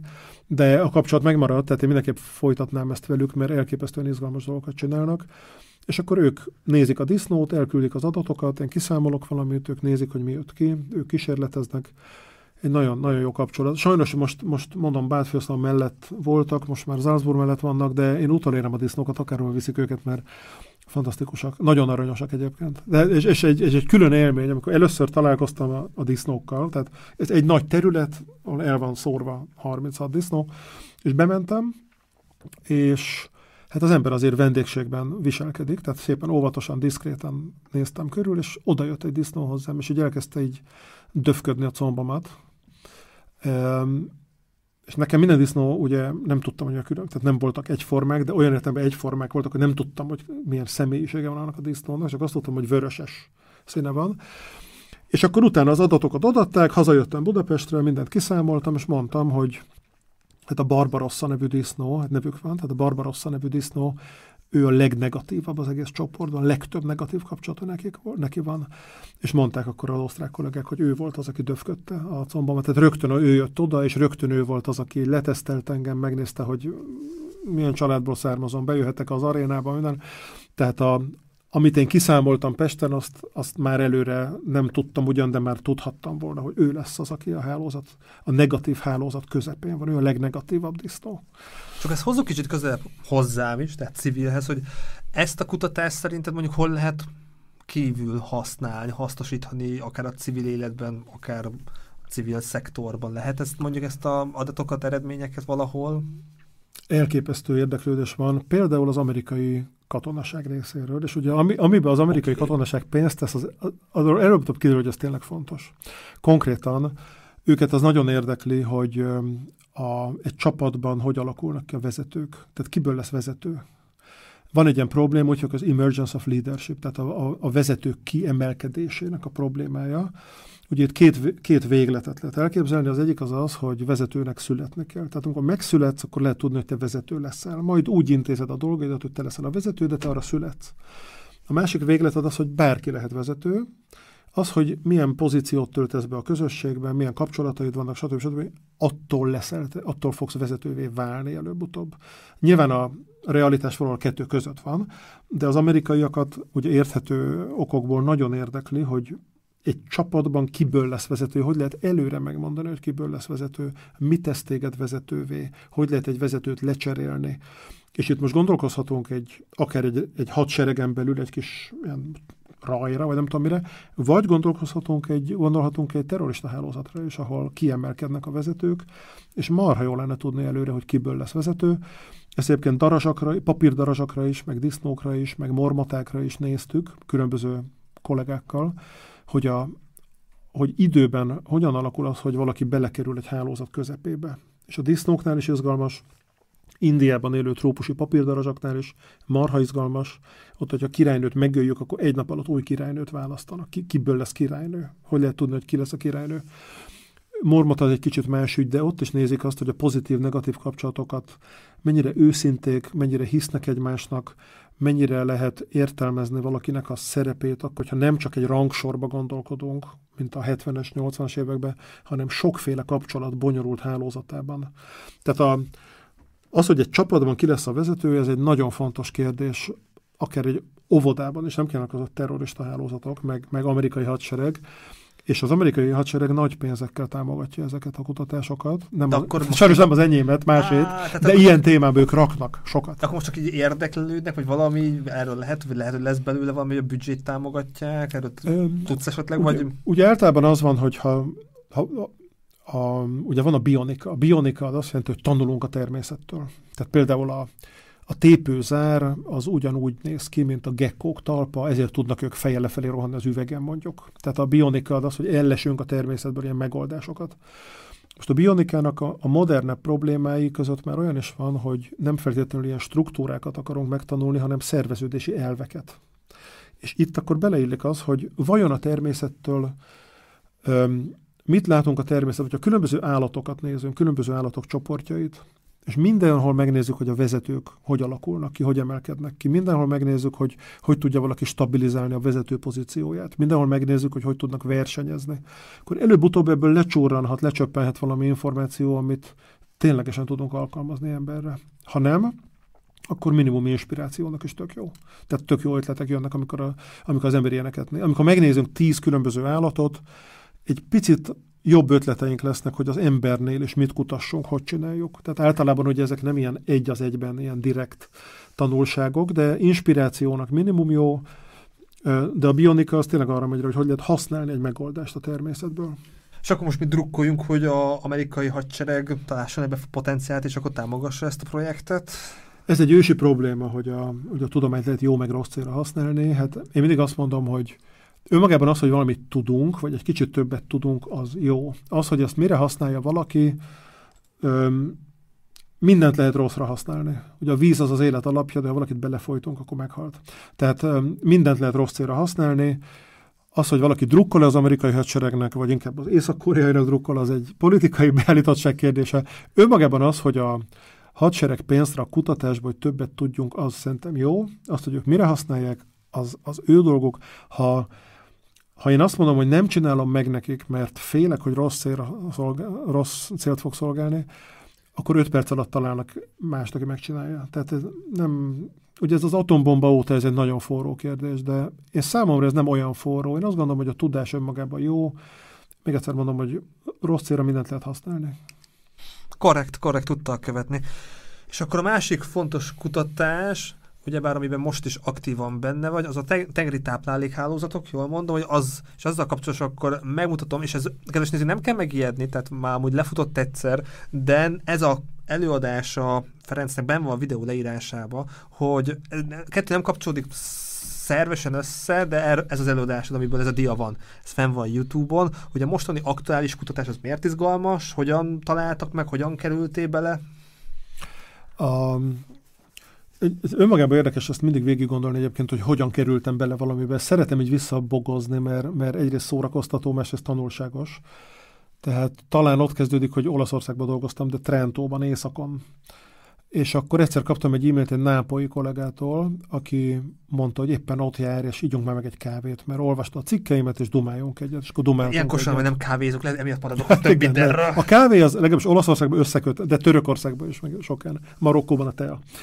Na és akkor ő mondta, hogy Trentóba jár, ígyunk meg egy kávét, dumáltunk, kiderült, hogy ő a nápolyi, a Stazione Zoologica nevű nápolyi nagyon híres intézetben dolgozik, és mondta, hogy rengeteg közös témánk van, írjunk közösen pályázatot, közösen cikket, a vége az lett, hogy külső munkatárs lettem Nápolyban, azóta is külső munkatárs vagyok, az azt jelenti, hogy fillért nem adnak, de ha oda megyek, akkor, akkor kávézok.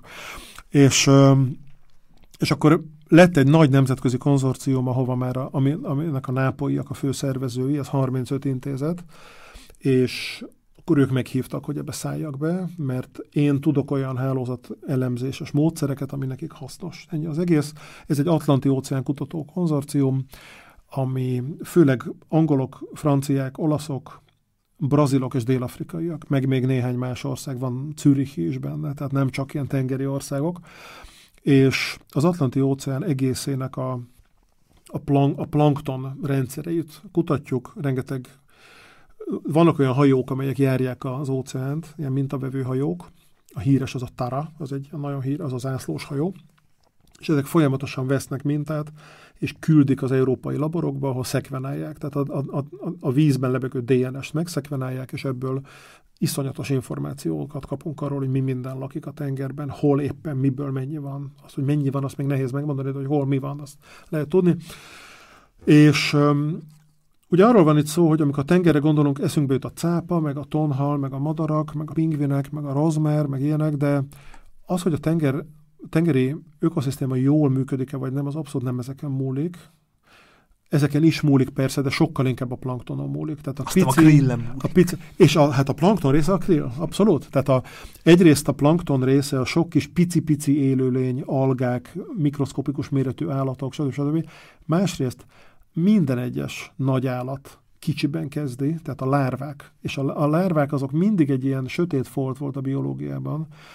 Ugye Heckel már, már gyönyörű rajzokat készített tengeri állatok lárváiról, de mindig alul kutatták őket azért, mert elképesztően bonyolult. Tehát a lárvákat megérteni, a fejlődésüket, a viselkedésüket, az ökológiájukat nagyon nehéz, ők a plankton részei, és igazából az, hogy ők mit csinálnak, az iszonyatosan fontos az egész óceáni élet szempontjából. Aztán az, hogy most a karszárnyó delfin mit teszik reggelire, az csak habatortán. Tehát a lényeg, hogy a planktonnal mi történik.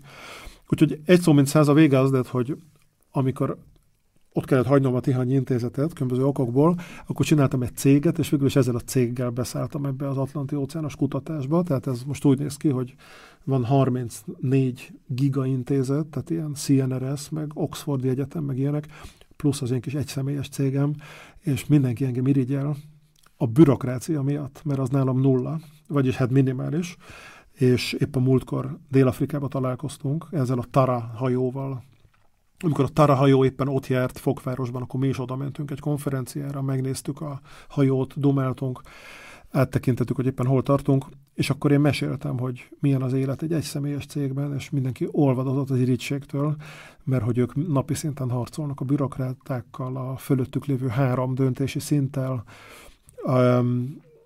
Nagyon-nagyon tehát többen is mondták, hogy mindig ez volt az álmuk, hogy céget csináljanak, és hogy nem mertek. Hát mondtam, hogy én sem mertem volna, sose kicsit belekényszerültem, de így viszont Innen is hálásak lehetünk Igen. a NER-nek, lehet Igen, emiatt. így van, sok, sokaknak hálásak vagyunk, mert ha máshogy alakul, ha jól alakulnak a dolgok, idézelbe konvencionálisan alakulnak, akkor soha nem lenne ilyen cégem.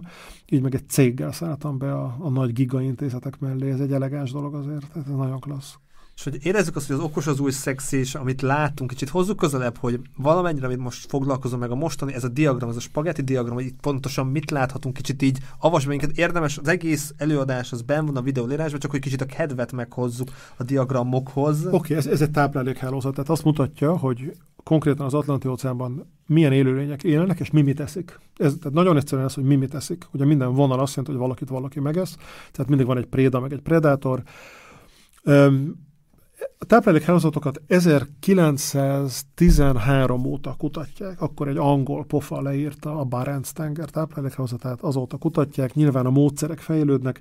A lényeg az az, hogy amikor halászunk egy halat, mondjuk a tonhalat, Az, hogy ebből mennyit foghatunk, az nem csak a tonhaltól függ, hanem a többiektől is függ. Tehát az élőlények együtt élnek egy közösségben, egymásra hatnak nem lehet egyet kiemelni, ez kicsit mint a köpőcsésze, hogy valamit kiemelünk, jön vele az összes. Tehát nem lehet egyet kiemelni, és azt önmagában megérteni. A táplálékházat mutatja azokat az összefüggéseket, amiket ha nem veszünk figyelembe, akkor teljesen tönkre tudjuk tenni a tengeri élővilágot, és hát ez az, amit csinálunk, mert az ipari halászatban ezeket nem veszik figyelembe. Tehát ma az egyik legizgalmasabb dolog, és persze fontos a Duna, meg a Balaton, meg a, meg a mit tudom én, a, a, a a Genfitó, ezek is fontosak, de a tenger az nagyságrendekkel fontosabb, mert az, az mit tudom én, 4 milliárd ember napi kajáját adja. Tehát, a, tehát ezek írdatlan mértékű problémák, hogy a, a, a világóceán nagyon nagy részét már túlhaláztuk, tehát bizonyos halak már kipusztultak, bizonyos halak lokális populációi eltűntek, és már nem jelennek meg újra. Egy mérhetetlen rablógazdálkodást csinálunk, tehát teljes, tehát ugye mi szárazföldi élőlények vagyunk, tehát ami a tenger alatt van, azt mi nem látjuk, ott bármit lehet. Ott ki lehet írtani, a cápáknak levágjuk a uszonyát, és visszadobjuk őket uszony nélkül. Tehát bunkó módon bánunk a tengerrel, egy rablógazdálkodást végzünk. De hát nyilván vannak a, a jó oldalon is emberek, akik megpróbálják a tengeri halászatot amennyire lehet fenntarthatóvá tenni, és ehhez nagyon fontos lépés az, hogy olyan hálózatokba gondolkozunk. Tehát amikor amikor meghatározok, hogy mennyi tonhalat lehet kifogni 2028-ban, akkor vegyük figyelembe azt a hálózatot, hogy ha a tonhalat kifogjuk, mindenki arra reagál egy kicsit. A tőkehaltól kezdve a madarakig, a csigáktól kezdve a algákig, az mindenkit érint, mert ők együtt élnek egy kölcsönhatási rendszerben. És amikor meghatározunk, hogy mennyi tonhalat, mennyi tőkehalat és mennyi szardiniát lehet fogni, azt a hálózat alapján kell kiszámolni, nem úgy, hogy egyenként nézzük ezeket a fajokat, hanem egy közösség tagjai. E, ez, egy nagyon, ez a rendszer gondolkodás, ez a rendszer ökológiai gondolkodás, ami, ami kezd beszűrődni a döntéshozatalba, tehát a, a halászati... Tényleg? E, igen, igen, ez, igen. Ez hogy? Ez, ez Euró, azért felemás a dolog, tehát egyrészt a, az európai halászati kvótáknál már egy kicsit figyelembe vesznek ilyen dolgokat, másrészt aztán azokat azért nem tartják be. Tehát már a, a törvényhozás részében már ott van, hogy próbáljunk sok fajban gondolkodni egyszerre, de hát ezeket átjátszák, tehát mindenki azonnal kijátsza. Tehát de sajnos... mondjuk a te kutatásod, eredményeid, akár ez a prezentáció, de elkerülhetett, feljebb kerülhetett, nem csak a tudományos lapokban itt ott, ott jelent meg, hanem akár eljuthatott olyan emberekhez is, akik mondjuk döntéshozatali pozícióban ülnek? A, a, amiről konkrétan tudok, az egyébként Csillébe valósult meg, tehát egy csilei kollégával írtunk olyan cikket, amit tudom, hogy ott a minisztérium asztalán ott van, és nézik, tehát Csillében ez van. Európában azt nem tudom, hogy az én cikkeimet éppen nézik de van olyan kollega, akivel napi szinten együtt dolgozok, és tudom, hogy az ő cikkeit nézik. Tehát igen, tehát ott vagyunk, most már mondjuk, most már a, a tudás kezd beszivárogni.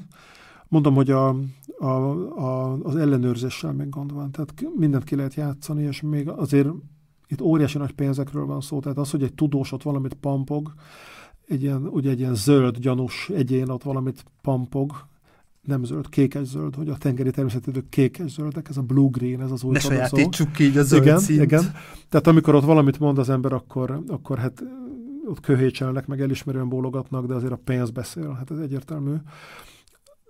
Mm, nagyon, nagyon nagy lobbyharcok folynak azért, hogy a, tényleg van már olyan tudás, amin a tudósok is nem annyira vitatkoznak, hanem egyetértenek, amit már tényleg jó szívvel lehetne ajánlani de az, hogy ez eljusson a mindennapi alkalmazásig, az, az még egy nagyon hosszú út.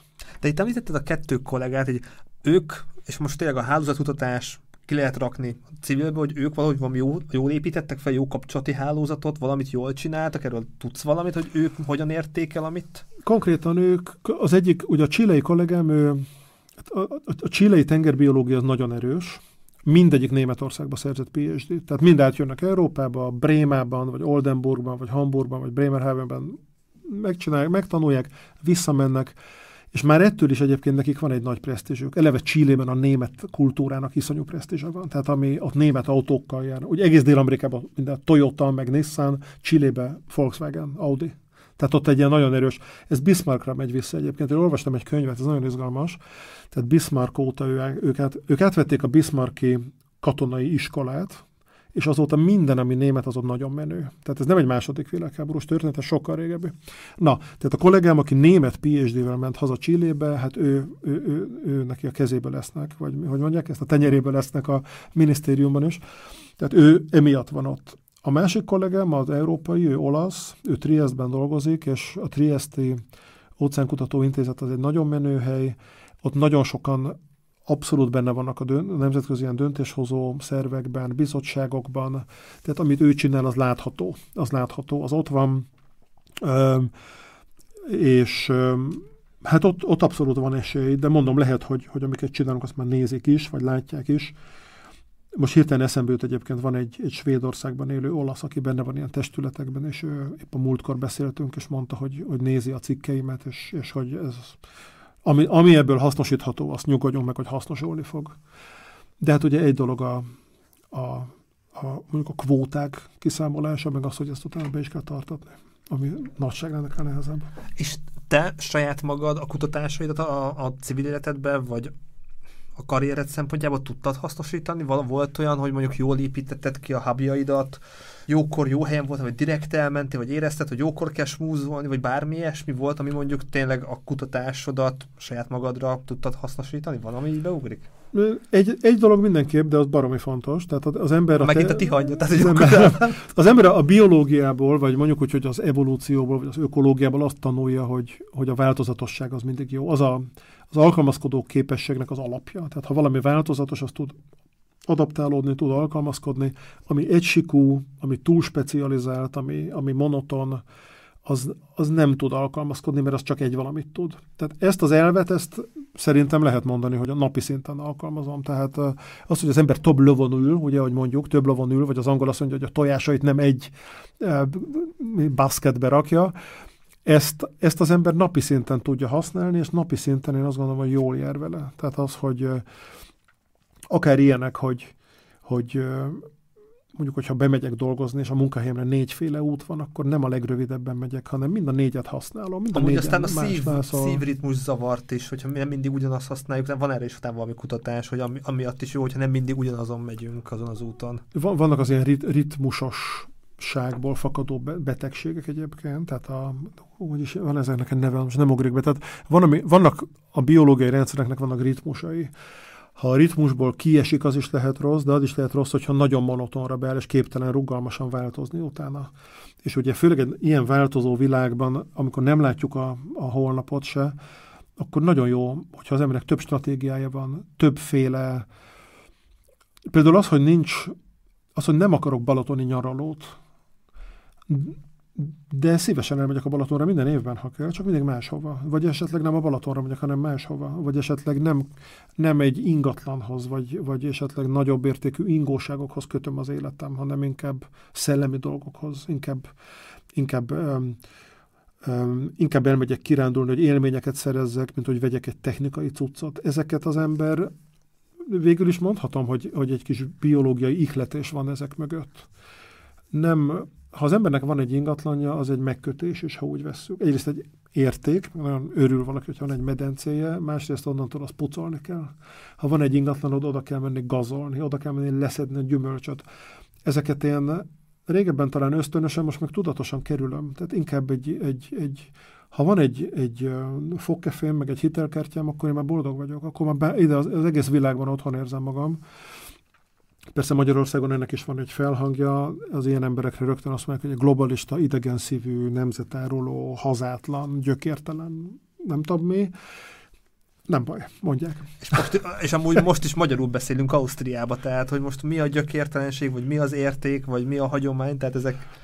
Én azt gondolom, hogy ha, ha ugye most konkrétan a Pármai Egyetemen dolgozom, most az a munkahelyem, de teljesen mindegy, hogy Ausztria vagy Olaszország, ha én a Pármai Egyetemen valamit létrehozok, mint magyar kutató, azt mindenki tudja, hogy egy magyar kutató hozta létre, ezzel gazdagítom a magyar tudományt, a magyar kultúrát. Ha most otthon ülnék, akkor reggeltől estig űrlapokat töltenék ki az akadémia számára, hogy az adminisztratív rendszert boldogítsam, lehet, hogy Magyarországon ülnék, mint magyar, de semmilyen eredményt nem hoznék létre, tehát semmivel nem gazdagítanám. Tehát én azt gondolom, hogy egyre inkább igaz az, hogy külföldről többet lehet tenni Magyarországért, mint otthonról. Igen, ezt nyilatkoztad is, és lehet, hogy a kutatóknak meghozzuk a, a lelkesedés, hogy ne féljenek, menjenek külföldre, érdemes külföldre menni, tapasztalat, az haza is lehet venni, meg akár kint maradva is lehet, lehet eredményeket elérni.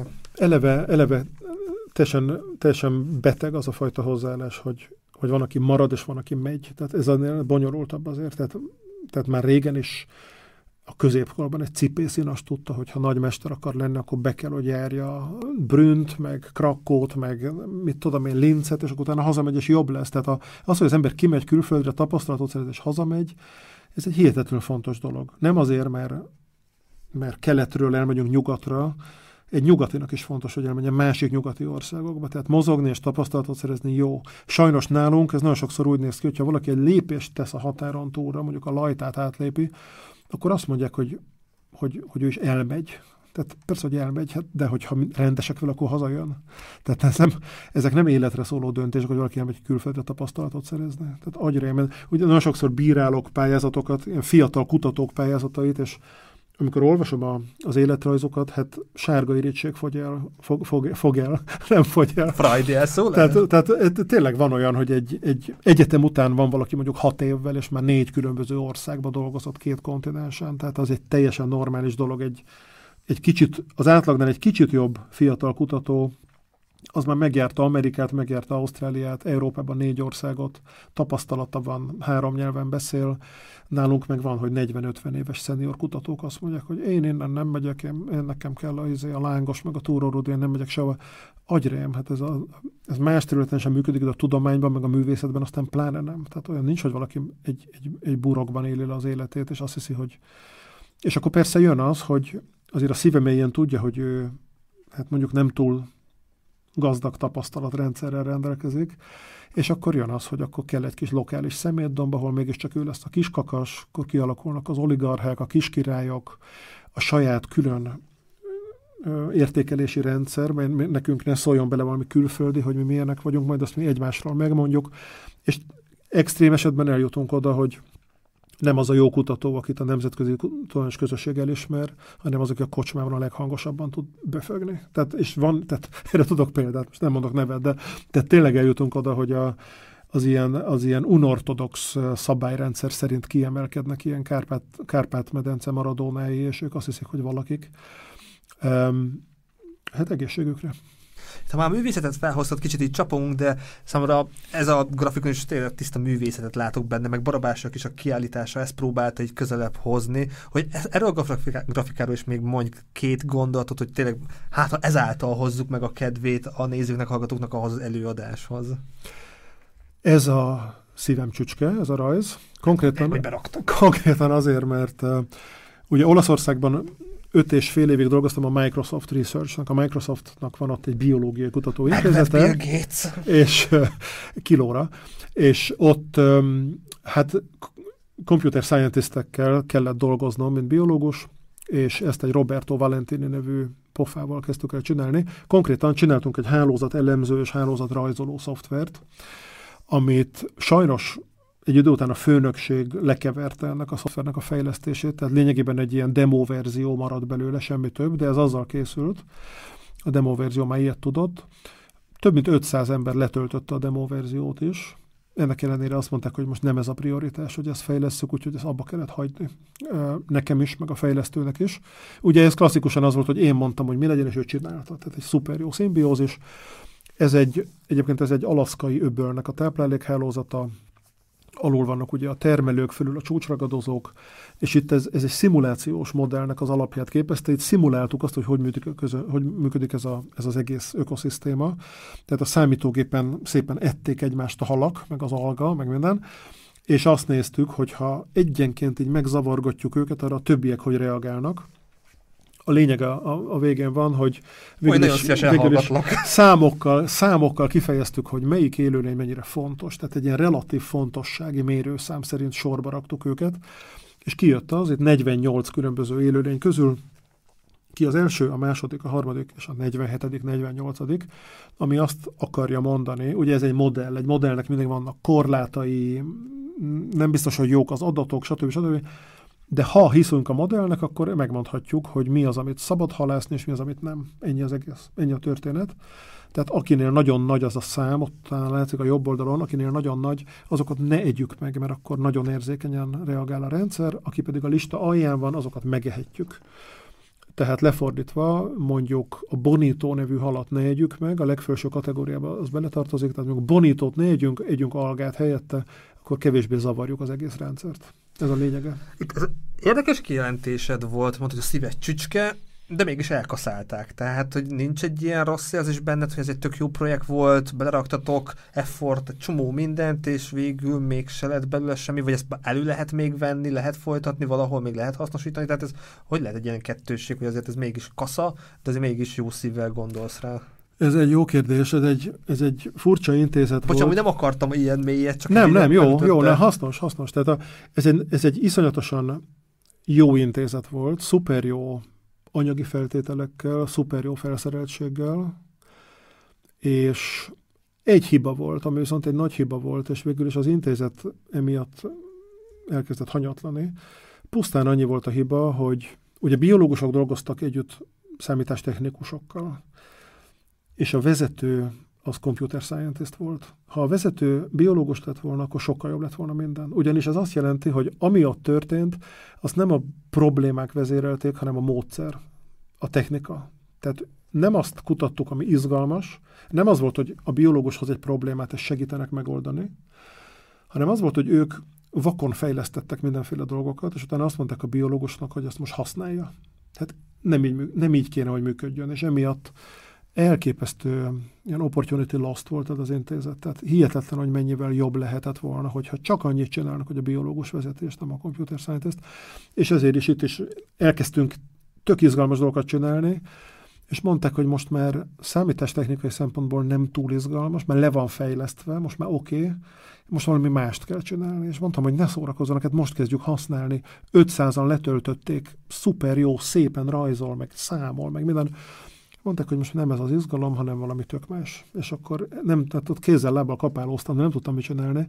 Ezt hogy hogy kell elkövetni? Ez nekem is érdekes, hogy ott vagy te ennek a projektnek a egyik oszlopos tagja, látod, hogy működik, ebbe kellene, nem tudom, hogy asztalra csapkodástól kezdve, hogy minden volt, hogy elő emberek ezt egy aranytojú tyúkot engedtek, nem most csak egy példa kedvéért, hogy ez tényleg nagyon fontos, jól működik, hogy ne csináljátok már, hülyék vagytok.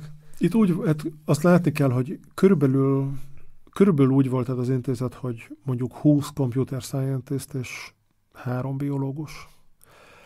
És mi mindig kisebbségben voltunk. Volt egy kollégám, aki szintén hasonlóakat élt meg, tehát nem az volt, amit ő mondott, mert a, mert a módszertan vitte el a dolgot, nem a probléma. Ő volt, hogy néha vehemensebben reagált, én, én próbáltam kicsit diplomatikusabb lenni, de azért mondtuk, hogy nem így kéne, meg nem úgy kéne.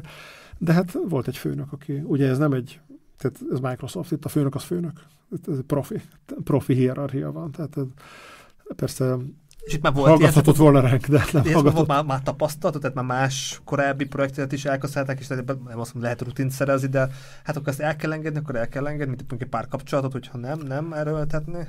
Ezért ugye nekem, nekem az a stratégiám, hogy egyszerre ezer dolgot csinálok, és ezért kevésbé fáj, hogyha az egyik megfeneklik. Tehát én, én és akkor itt még visszatérhetünk arra, hogy az ember a természettől ezt is tanulja, hogyha ha egyszerre száz lovon ülsz, akkor nem baj, hogyha az egyik megbotlik, mert marad 99.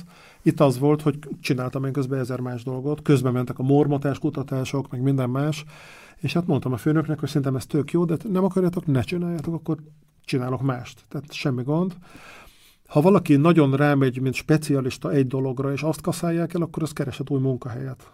Én meg csak áttoltam, áthúztam a potmétert, a súlyokat máshova.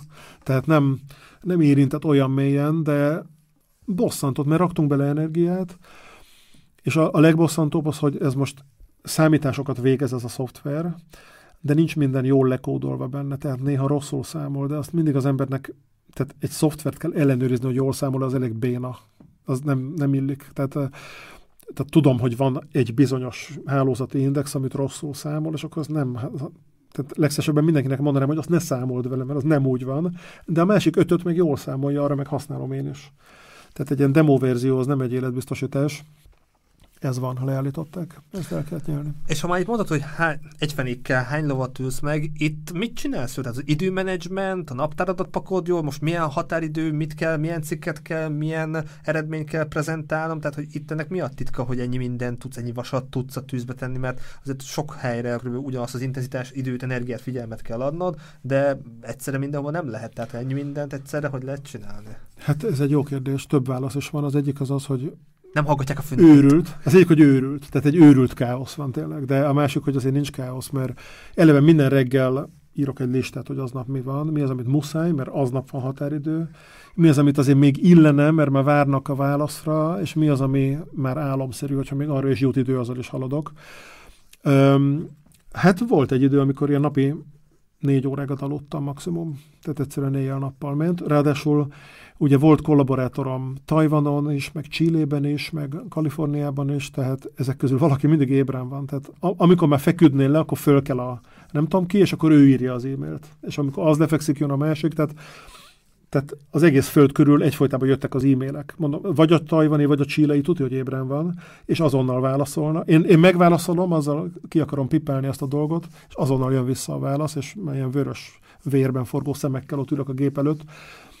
Másrészt viszont ez így iszonyatosan érdekes, tehát soha nem unalmas egy percig, tehát nem alszol, meg éjjel-nappal csinálod, de soha nem unatkozol. Hosszú távon nem fenntartható. Most egy kicsit próbálok egyébként visszafogni, tehát um, egészségesebben élni, kicsit többet aludni. Um, de hát amikor amikor ugye elkapja az embert a hév, akkor csinálja. Szóval ezeket én nem azért csinálom, mert a főnökön várja, hanem azért, mert élvezem. Tehát imádom a munkám, lehet, hogy ezzel kellett volna kezdeni, de imádom a munkám, és így azért lehet négy óra alvással is túlélni. De itt mondtad a, a kollégákat is, meg a kellek azért polipcsápok is, tehát hogy ilyen ez fontos, hogy milyen kollégákat kerest, vagy mikikkel dolgozol együtt, tehát hogy van még valami, ami úgy eszedbe jut, hogy tényleg ez a hálózatod, ez jól működik? Ez egy alap dolog, hogy először azt nézem, hogy milyen ember, és utána azt, hogy mit tud nyilván nem hülyékkel fog dolgozni, de, de mindenki mindent meg tud tanulni, viszont ha valaki egy ilyen, egy ilyen velejéig romlott egyéniség, azt én már 30 évesen nem fogom megnevelni, tehát az már reménytelen. Úgyhogy jó, csupa minden kollégám, szinte minden kollégám jó ember, akiket szeretek, és barátok is vagyunk. És utána jön az, hogy mit csináljunk.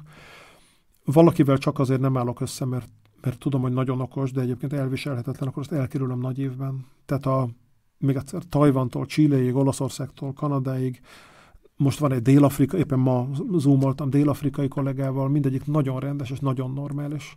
És egyébként a tudósoknak szerintem a nagy része nagyon rendes és nagyon normális. Tehát valahogy Hollywood, hollywoodi filmekből jön ez, hogy a tudós az egy ilyen, egy ilyen félőrült, gonosz hülye, aki így a társadalmat át akarja verni, ez, nem, nem így van, tehát nem ilyenek a tudósok. Ilyen is van, mindenhol vannak hülyék, de a tudományos közösség általában tök normális, rendes, visszafogott emberekből áll, nagy, nagy döntő, döntő többségben.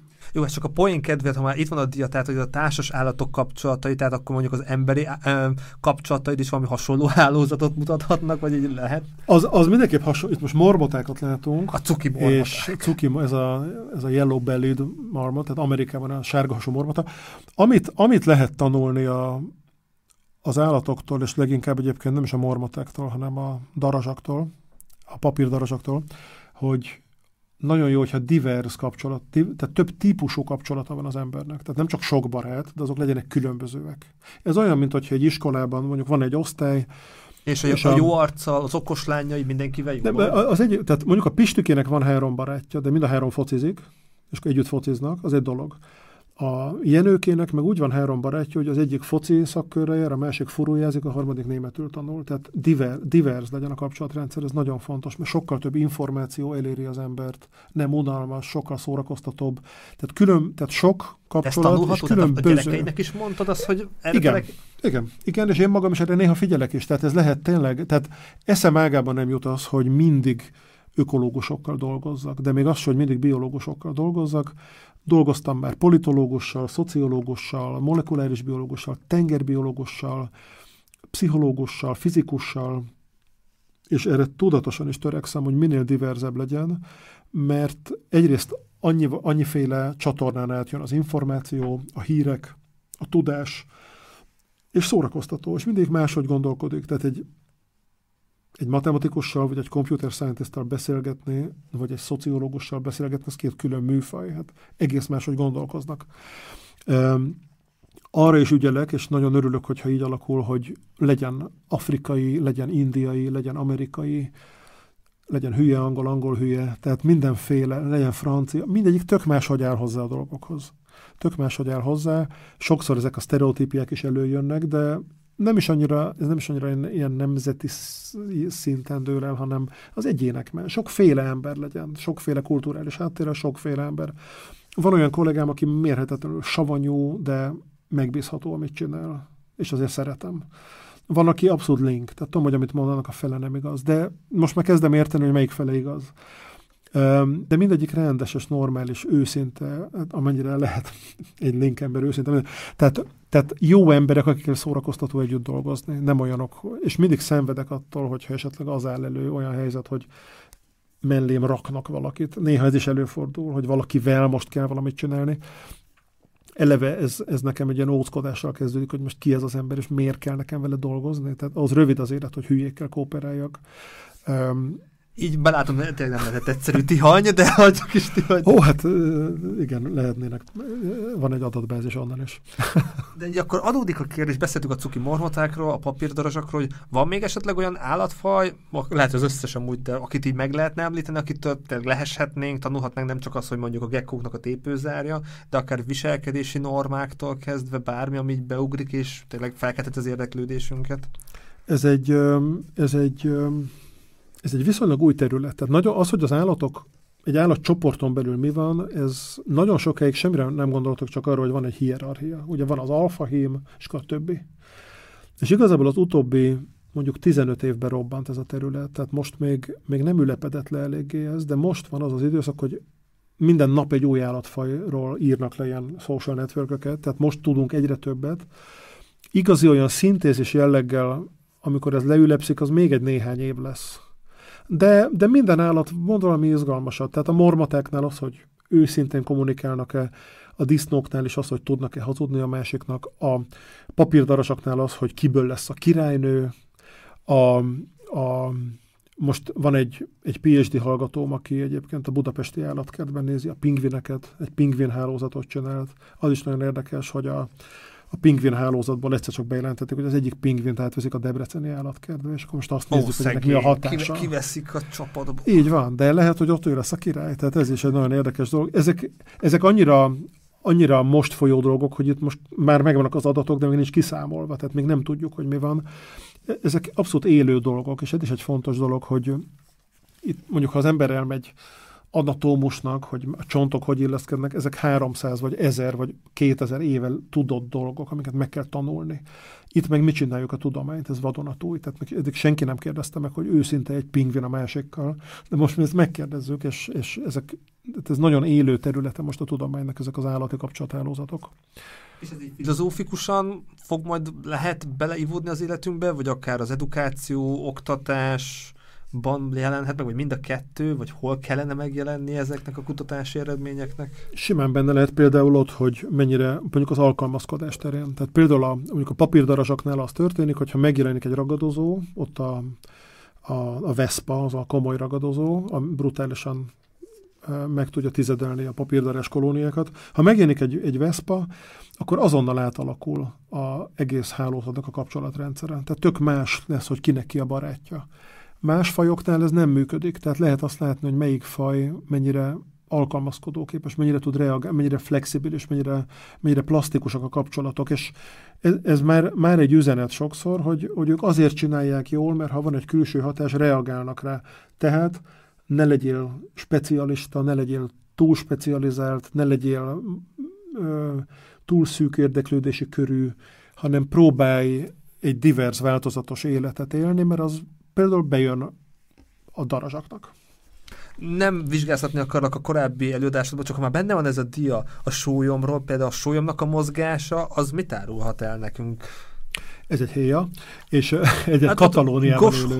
Vagy az, az, az héja, minden érdekes, nem, nem az a lényeg. Az a lényeg, hogy ez egy katalán élőhely hálózat, tehát ez a, ez a, ez a héjáknak az élőhely hálózata, ami azt mutatja, hogy milyen erdőfoltokban él, és ezek között hogy tud átmenni. Ez azért fontos, mert egy csomó élőlényt egyre jobban zavar az, hogy a természetes élőhelyek felaprózódnak, és, és izolált, ilyen kis izolált pici élőhely fragmentekre kerülnek, ettől ki lehet halni. Sok élőlény ettől Hát a koronavírus terjed akár, tehát ez sok és, minden. És az is, igen, az is fontos, hogy amikor összekötünk két dolgot, akkor egyrészt át lehet menni, másrészt a paraziták is átjönnek. Tehát ez nagyon izgalmas kérdés, hogy egy, egy élőhely hálózat mennyire kell, hogy összekötetett legyen egymással, mennyire kell, hogy összefüggő legyen, a jó és a rossz is terjed benne.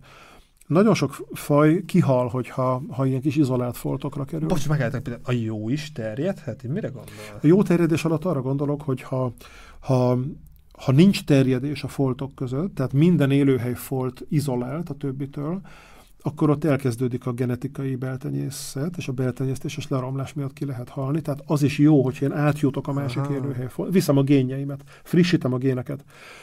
Ilyen értelemben jó az, hogy terjedek. De lehet, hogy viszek magammal egy parazitát is. Tehát ezek nagyon, ez megint egy, egy elég forró terület, ez a tájökológiának egy területe, amikor megpróbáljuk azt meghatározni, hogy hogy lehet optimálisan fenntartani egy élőhely hálózat összefüggőségét. Tehát ne legyen az, hogy valaki izolálódik. Erre most vannak már tök jó számítások, például a trópusi madarakra kiszámolták azt, hogy ha építünk egy autópályát, és az erdőt ketté vágjuk, akkor lehet tudni, hogy körülbelül hány madárfaj fog kihalni körülbelül hány éven belül, nem holnap, nem holnap után, tehát semmit nem veszek észre belőle, de előbb-utóbb ők kihalnak, mert ők nem tudnak kis fragmentumokban fönnmaradni, beltenyésztés lesz, és kipusztulnak. Hát rettentő érdekes, de menjünk vissza a te civil életed, és te is szeretsz mozogni, és akkor így már utolsó kérdéskör a lakóautózáshoz jön. Jövünk, hogy mondtad, hogy hát igen, nagyon diverziátet élsz, szereted a változatosságot, hogy ehhez kalkulálódik, vagy kötődik a, a te hobbid, ahogy mondod, vagy ez a fajta utazási fajtád, vagy hogy hova kötődik, és, és miért lett ennyire fontos az életedben a lakóautózás? Hát egyrészt ugye ez egy drága dolog, tehát sajnos nem tudom olyan elég, nem tudok elég gyakran hódolni neki. Hát, ha jól számolom, szerintem talán ötször mentem el egy hétre, valahogy így. De holnap elmennék azonnal, ha lehet. Ha nyernék a lottón, azonnal lakóautóznék. Ugye, hát egyrészt ugye az ember gyerekkorában látta a Petrocellit, hát szerintem ez egy alapélmény. Tehát ha, az valószínűleg az ott van mélyen. Meg hát ugye matchboxokkal játszott, meg, meg mindenféle élmény éli az embert, és szerintem én, én 40 évig vágytam rá, hogy lakóautóban lakjak. Először, hát nyilván egy gyerek az lakni akar aztán később már, már, már szeretnéd vezetni, meg kibérelni, átvenni, berendezni, elmenni vele.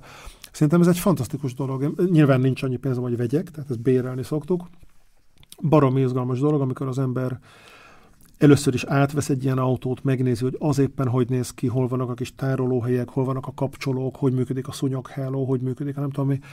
Utána szépen berendezi, és akkor elmegy mondjuk egy hétre, arra pontosan, egész pontosan oda, ahova éppen kedves ottyan abban a másodpercben, ez benne a csodálatos. Ugye itt nincs az, hogy a szállás te van foglalva, vagy nincs az, hogy egy, egy turista csoportban te vagy a C turnus, és akkor ott kell lenni ebédre, hanem telerakott kajával, és ha akarod jobbra mész, ha akarod balra mész, és egy hét múlva le kell adni. Ez egy szinte semmihez nem fogható szabadság érzést, szabadság élményt ad az embernek Egyszer voltam csak külföldön, és négyszer itthon, tehát nem, nem, nem kell ilyen nagy utakra gondolni. Ennek eleve nem az a lényeg, hogy több száz kilométert mész, hanem az, hogy akár egy nap csak tíz kilométert mész, de, de az, hogy este egy erdőben alszol, vagy egy folyóparton, azt még reggel nem tudod. És fogtok menni még? Tehát van, ami ilyen bakancslista, akár ahova itt szeretnél lakóautó, vagy akár, tehát még Új-Zélandon voltam két hónapos topot, ott például ez, tényleg ez a camper, camper bérlés, jövés, menés, tehát hogy van mondjuk ilyen bakancslista, ahol mindenki, mindenki el fogsz menni, lakóautó. Mindenhova. Minden, mindenhova, tehát lakótól mindenhova. Ö, nagyon hidegben még nem voltam, tehát azt nem tudom, hogy hogy lehet fűteni, de biztos, hogy lehet, de de mondom, akár az is szórakoztató, hogy az ember 16 kört megy a Velencei tó körül, de minden nap máshol alszik, de az is jó, hogy elmegy Olaszországba. De az is jó, hogy elmegy északra. Igazából um, ebben a legjobb a spontaneitás, tehát nem szabad túlszervezni. Tehát oda el kell jutni, hogy, hogy van egy hetem, és kibérelem, és akkor lesz, ami lesz egy héten keresztül, aztán sajnos vissza kell adni, mert legszesebben megtartanám. Um, nagyon izgalmas. És ugye én szeretek vezetni, azt is elárulom, hogy néha kicsit gyorsan megyek, és akkor még fizetni is kell, azt már nem szeretek, de muszáj. féltem attól, hogy milyen lesz lakóautóval, ugye egy 100-zal, 105-tel, 110-zel battyogni az autópályán. Ezt egy óra alatt meg lehet szokni, és akkor onnantól ez egy tök más életérzés. Akkor beállsz a kamionok közé, és ha egy nap egyszer előzöl, az egy sikerélmény, akkor üvöltesz, és, és akkor megelőzöl egy kamiont, és akkor te vagy a király, de olyan is van, hogy egész nap nem előzöl meg senkit, hanem téged dudálnak le a török kamionok. Ezt is meg lehet szokni, tök jó érzés. Öm, de nem arról szól, hogy az autópályán kell aszalódni, és akkor aznap megtenni nem tudom mennyit, hanem inkább, inkább fantasztikus helyekre. Szlovéniában fölmentünk a, a mit tudom én, szerintem kb. 900 méterig bírta, aztán már nem, nem volt nagyon erős a motor, úgyhogy ott már inkább visszafordultunk. Akkor volt, ahol az éjszaka közepén megálltunk a föld mellett, mert, mert azt se tudtuk, hogy mi van ott, mert tök sötét volt, de aludtunk, és akkor reggel fölkeltünk, és minden irányból, még a szemmel látott káposzták voltak, tehát valami gigantikus káposzta föld Olaszországban. Öm, percenként jön valami jó élmény, vagy valami meglepetés, vagy valami... Volt, amikor gyermeire mentem el, hát ez nincs túl messze, mennyi? 15-20 kilométer, nem tudom. És akkor gyermely és szomor között van egy ilyen domb, és ott a domb tetején megálltunk, ott 360 fokban lefelé lehet nézni, és ott aludtunk, az is egy jó hely. Meg voltunk a Somogyban, voltunk őrségben, tehát ez egy marha jó dolog. Persze külföld az egy kicsit mindig menőbb, de teljesen mindegy. A lényeg, hogy, hogy az ember sose tudja reggel, hogy mit csinál este. Ez a lényeg az egészben. Itt az egész beszélgetés alatt két tulajdonságot kiemelt, és ez érdekel, hogy nálad ez mennyire volt tudatos fejlesztés, a flexibilitás, ezt én ami poénos azt szoktam mondani, nekem flexibilitás volt olyan az oviban. Tehát nekem például az utazás, a stoppolás, sokféle emberrel dolgoztam. Nekem, amikor én annó mentőtisznek tanultam, azt így belénk vagy ez volt az első gondot, hogy jó mentőtiszt mindig mindent megold. Nem lettem végül mentőtiszt, de ez, hogy mindig mindent valahogy oldjuk meg, akár ilyen meggájveresen duct vagy bárhogy azért meg lehet oldani. Hogy ez neked honnan jön meg, a, meg az emberismeret? Tehát ez a kettőt így visszatod valahova vezetni? A flexibilitásom az magasfokú. Az emberismeretemről nem tudom, hogy feltétlenül jó-e, igazából azt nem tudom, azt nagyon nehéz eldönteni, mert nyilván én gondolok mindenkiről valamit, de rövid az élete az, hogy az ember ezeket letesztelje alaposan. Nem tudom, hogy az emberismeretem milyen. Vonzódom a jó emberekhez, akiket én jónak tartok, tehát nagyon fontos nekem, hogy jó, ahogy mondtam, hogy jó emberekkel kollaboráljak, de lehet, hogy van köztük néhány megrögzött csaló, csak még ez nem derült ki. A flexibilitás az pedig szerintem eleinte ösztönös volt, most meg ösztönös is és tudatos is. Tehát tényleg, tényleg nem szívesen csinálom ugyan. Tehát a monotonitás az, az megöl. Tehát de ez nem mondjuk szüleidhez lehet visszavezetni, tehát nincs valami ilyesmi, hogy ő tőlük láttad, tanultad? De inkább ellenpéldák jutnak eszembe. Tehát például a, klasszi, a klasszikus balatoni nyaraló, ahova kötelező lemenni, család szedni minden hétvégén, az nagyon betett, tehát az, a, meg, meg, meg amikor mit tudom, a nagymamám fölhívott, hogy érik az alma, most muszáj leszedni, fölszedni, mert lehullik, és akkor százszor annyit költöttünk benzinre, mint hogyha megvettük volna a sokkal jobb almát a piacon, de a saját almát le kell szedni. Ezek inkább negatív példák is vannak itt, de, de az is példa, példák. abszolút, abszolút. Tehát a, meg, meg azok a kollégák, akiket látunk magunk körül, hogy nagyon beálltak egy irányba, és ha bármi változik, akkor ők nagyon sebezhetőek, mert csak egy dologhoz értenek. Abban lehet, hogy nagyon jók, de csak ahhoz. Ez, ez, ez, ez mindig úgy, úgy olyan averzióval töltött el, hogy miért ne álljon az ember több lában.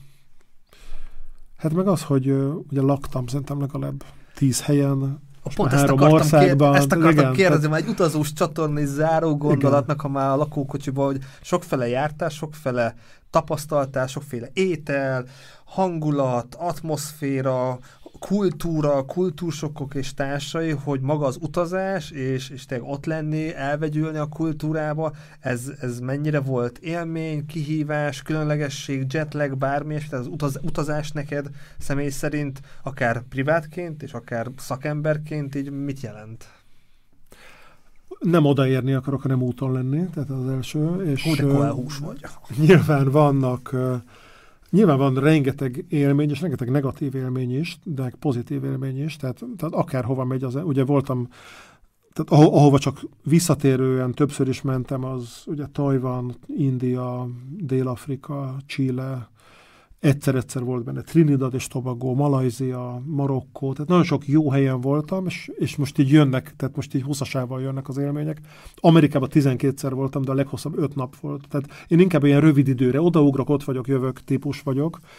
Főleg azért, mert, mert ugye a család otthon van, és, és alig várom, hogy elmenjek, de ha elmegyek, alig várom, hogy a családhoz hazamenjek. Tehát minden, amit most felsoroltam, abból szinte semmi nem volt hosszabb öt napnál. Tehát Tajvantól Csilléig és Amerikától Dél-Afrikáig. Vagy mint a családot Olaszországban, valami hosszabb idő. Hát Európán belül a család is jöhet, ugye tengeren túlra, hát sajnos ott a pénz az úr, tehát egy családdal nem egyszerű mondjuk egy, egy Trinidad, de még az is lehet, hogy lesz egyszer. És hosszabb időt hol Olaszországban éltetek? Olaszországban volt öt és fél év, Németországban egy év, és volt egy három hónap Dánia, az idén volt, egyszer egy hónap Anglia, ezek már rövidek.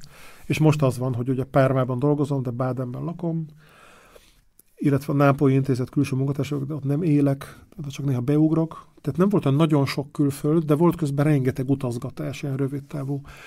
Öm, a legcsodálatosabb és a legrosszabb emlékek is utazásokhoz kötődnek. Tehát, Ak- akkor egy-egy a végén, egy legjobb élmény, meg egy legrosszabb A legjobb élmény. élmény. Hát ugye azt hozzáteszem, hogy 99%-ban munkaügyben utazom. Tehát nem, nem mondjuk szörfözni megyek, vagy bungee jumpinggal, nem, nem munka van, és akkor megyek, előadok, kollaborálok, minden.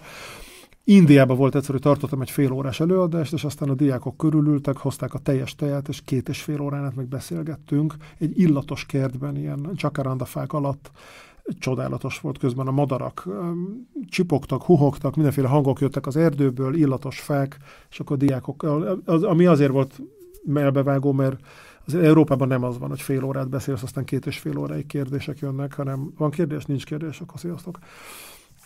Hát a negatív az egy, volt egy nagyon intenzív öt nap Chile, abban volt két pici földrengés, meg egy letartóztatás. Ó, kell elmondani? Vagy? Plusz még az is, hogy tehát Fú, de, de és ez még csak a fele. Tehát még az is volt ráadásul, hogy az egyetemen átadtak egy, egy, egy ilyen diákszállást, és, és beszédet kellett mondanom. Valahogy meg kellett köszönnöm a diákok nevében a rektornak, az újságírók és tévékamerák előtt, mert én voltam a, a, az európai a vendég. Én voltam az európai vendég, és mondták, hogy most átadják ezt a diákszállást, és akkor én beszéljek a, a rektornak meg kell köszönnöm a kamerák előtt. Tehát megköszöntem. Közben volt két pici földrengés, és hazafelé meg a reptéren Hát már, már boarding volt, tehát már álltunk sorba, és bemondták a nevem, hogy menjek a, a deskhez, és, és ott várt. Mit nyertem? Várt, igen, de hát három rendőrt nyertem, akik azt mondták, hogy teljesen nyilvánvaló, hogy drogfuter vagyok, de adjam oda, tehát most ne húzok az időt. És mondták, hogy a különböző statisztikákat néznek az utasokról, és minden, minden statisztika szerint én drogfuter vagyok. Tehát egy, ugye egyedül voltam öt napig, egy kis hátizsákkal, északi részen. Ez egy rossz hálózat, van. vagy rossz elemzés. Igen, igen, igen, és, és hát mindent ki kellett pakolni. Um, vettem kávét, azt föltépték, vettem bort, azt kinyitották, alsógatjába bené, nem, már nem ami rajtam volt, hanem a csomagban volt, tehát mindenemet megnézték, és a végén elkövettem azt a hibát, hogy azt mondtam nekik, hogy én csak angolul meg olaszul tudok, de azért igyekeztem spanyolul válaszolni, hogy bevágódjak náluk, de ez egy hatalmas öngól volt. Tehát valamit tudok spanyolul, nagyon keveset, és amikor, amikor már elkezdtem rendszeresen spanyolul válaszolni, mert kezdtem belejönni, kezdtem élvezni, akkor egyszer csak azt mondták, hogy na, akkor most mondjam meg, hogy én miért tudok spanyolul, miért tagadtam le, hol tanultam, milyen célból, stb. stb. Ez, egy nagyon, ez volt az életem nagy öngólja a, spa, a csilei rendőröknek spanyolul jó pofizni, miután azt mondtam, hogy nem tudok. Üm, és akkor bizonygattam, hogy én most igazából az olaszt próbálom fordítani spanyolra, de azt mondták, hogy nagyon jó a kiejtésem spanyolul, és egyre mélyebbre süllyedtem, tehát a végén már izzadtam, már mindenem izzadt. És a legérdekesebb az volt, hogy a végén mondták, hogy na jó, menjek a francba, nem találtak semmit, menjek a francba, gyakorlatilag egy másodpercen volt még felszállni a gépre, és onnantól az egész úton, ha csak megmozdultam, mindenki engem nézett, az összes utas, társ, mert hát tudták, hogy engem a rendőrök kiemeltek, és ott valami velem történt. Kimentem pisilni, ott száz ember nézett, hogy most hátra mentem, aztán visszajöttem, aztán fölálltam, leültem.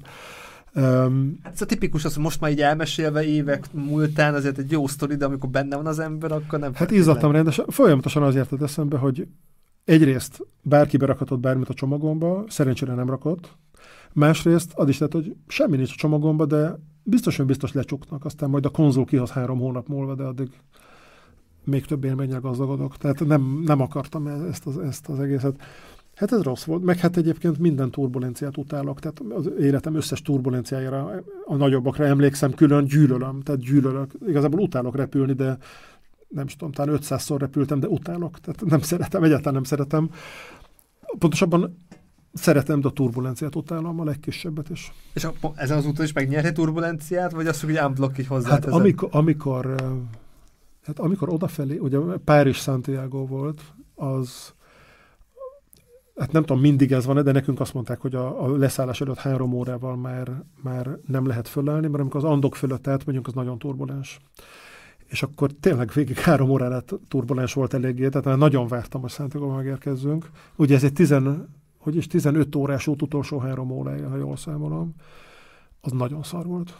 Az nagyon, és akkor utána, hát onnan még Antofagasztába föl kellett repülni, ahol már hulla voltam, és azzal fogadott a kollégám, hogy meglepetéspartit csinált nekem. Hárman voltunk, nem sokan, egy gigantikus nagy tál osztriga volt lime Nem vagyok nagy osztriga fan, és nagyon éhes voltam, úgyhogy megettem szerintem két kiló osztrigát és egy kiló lime hozzá.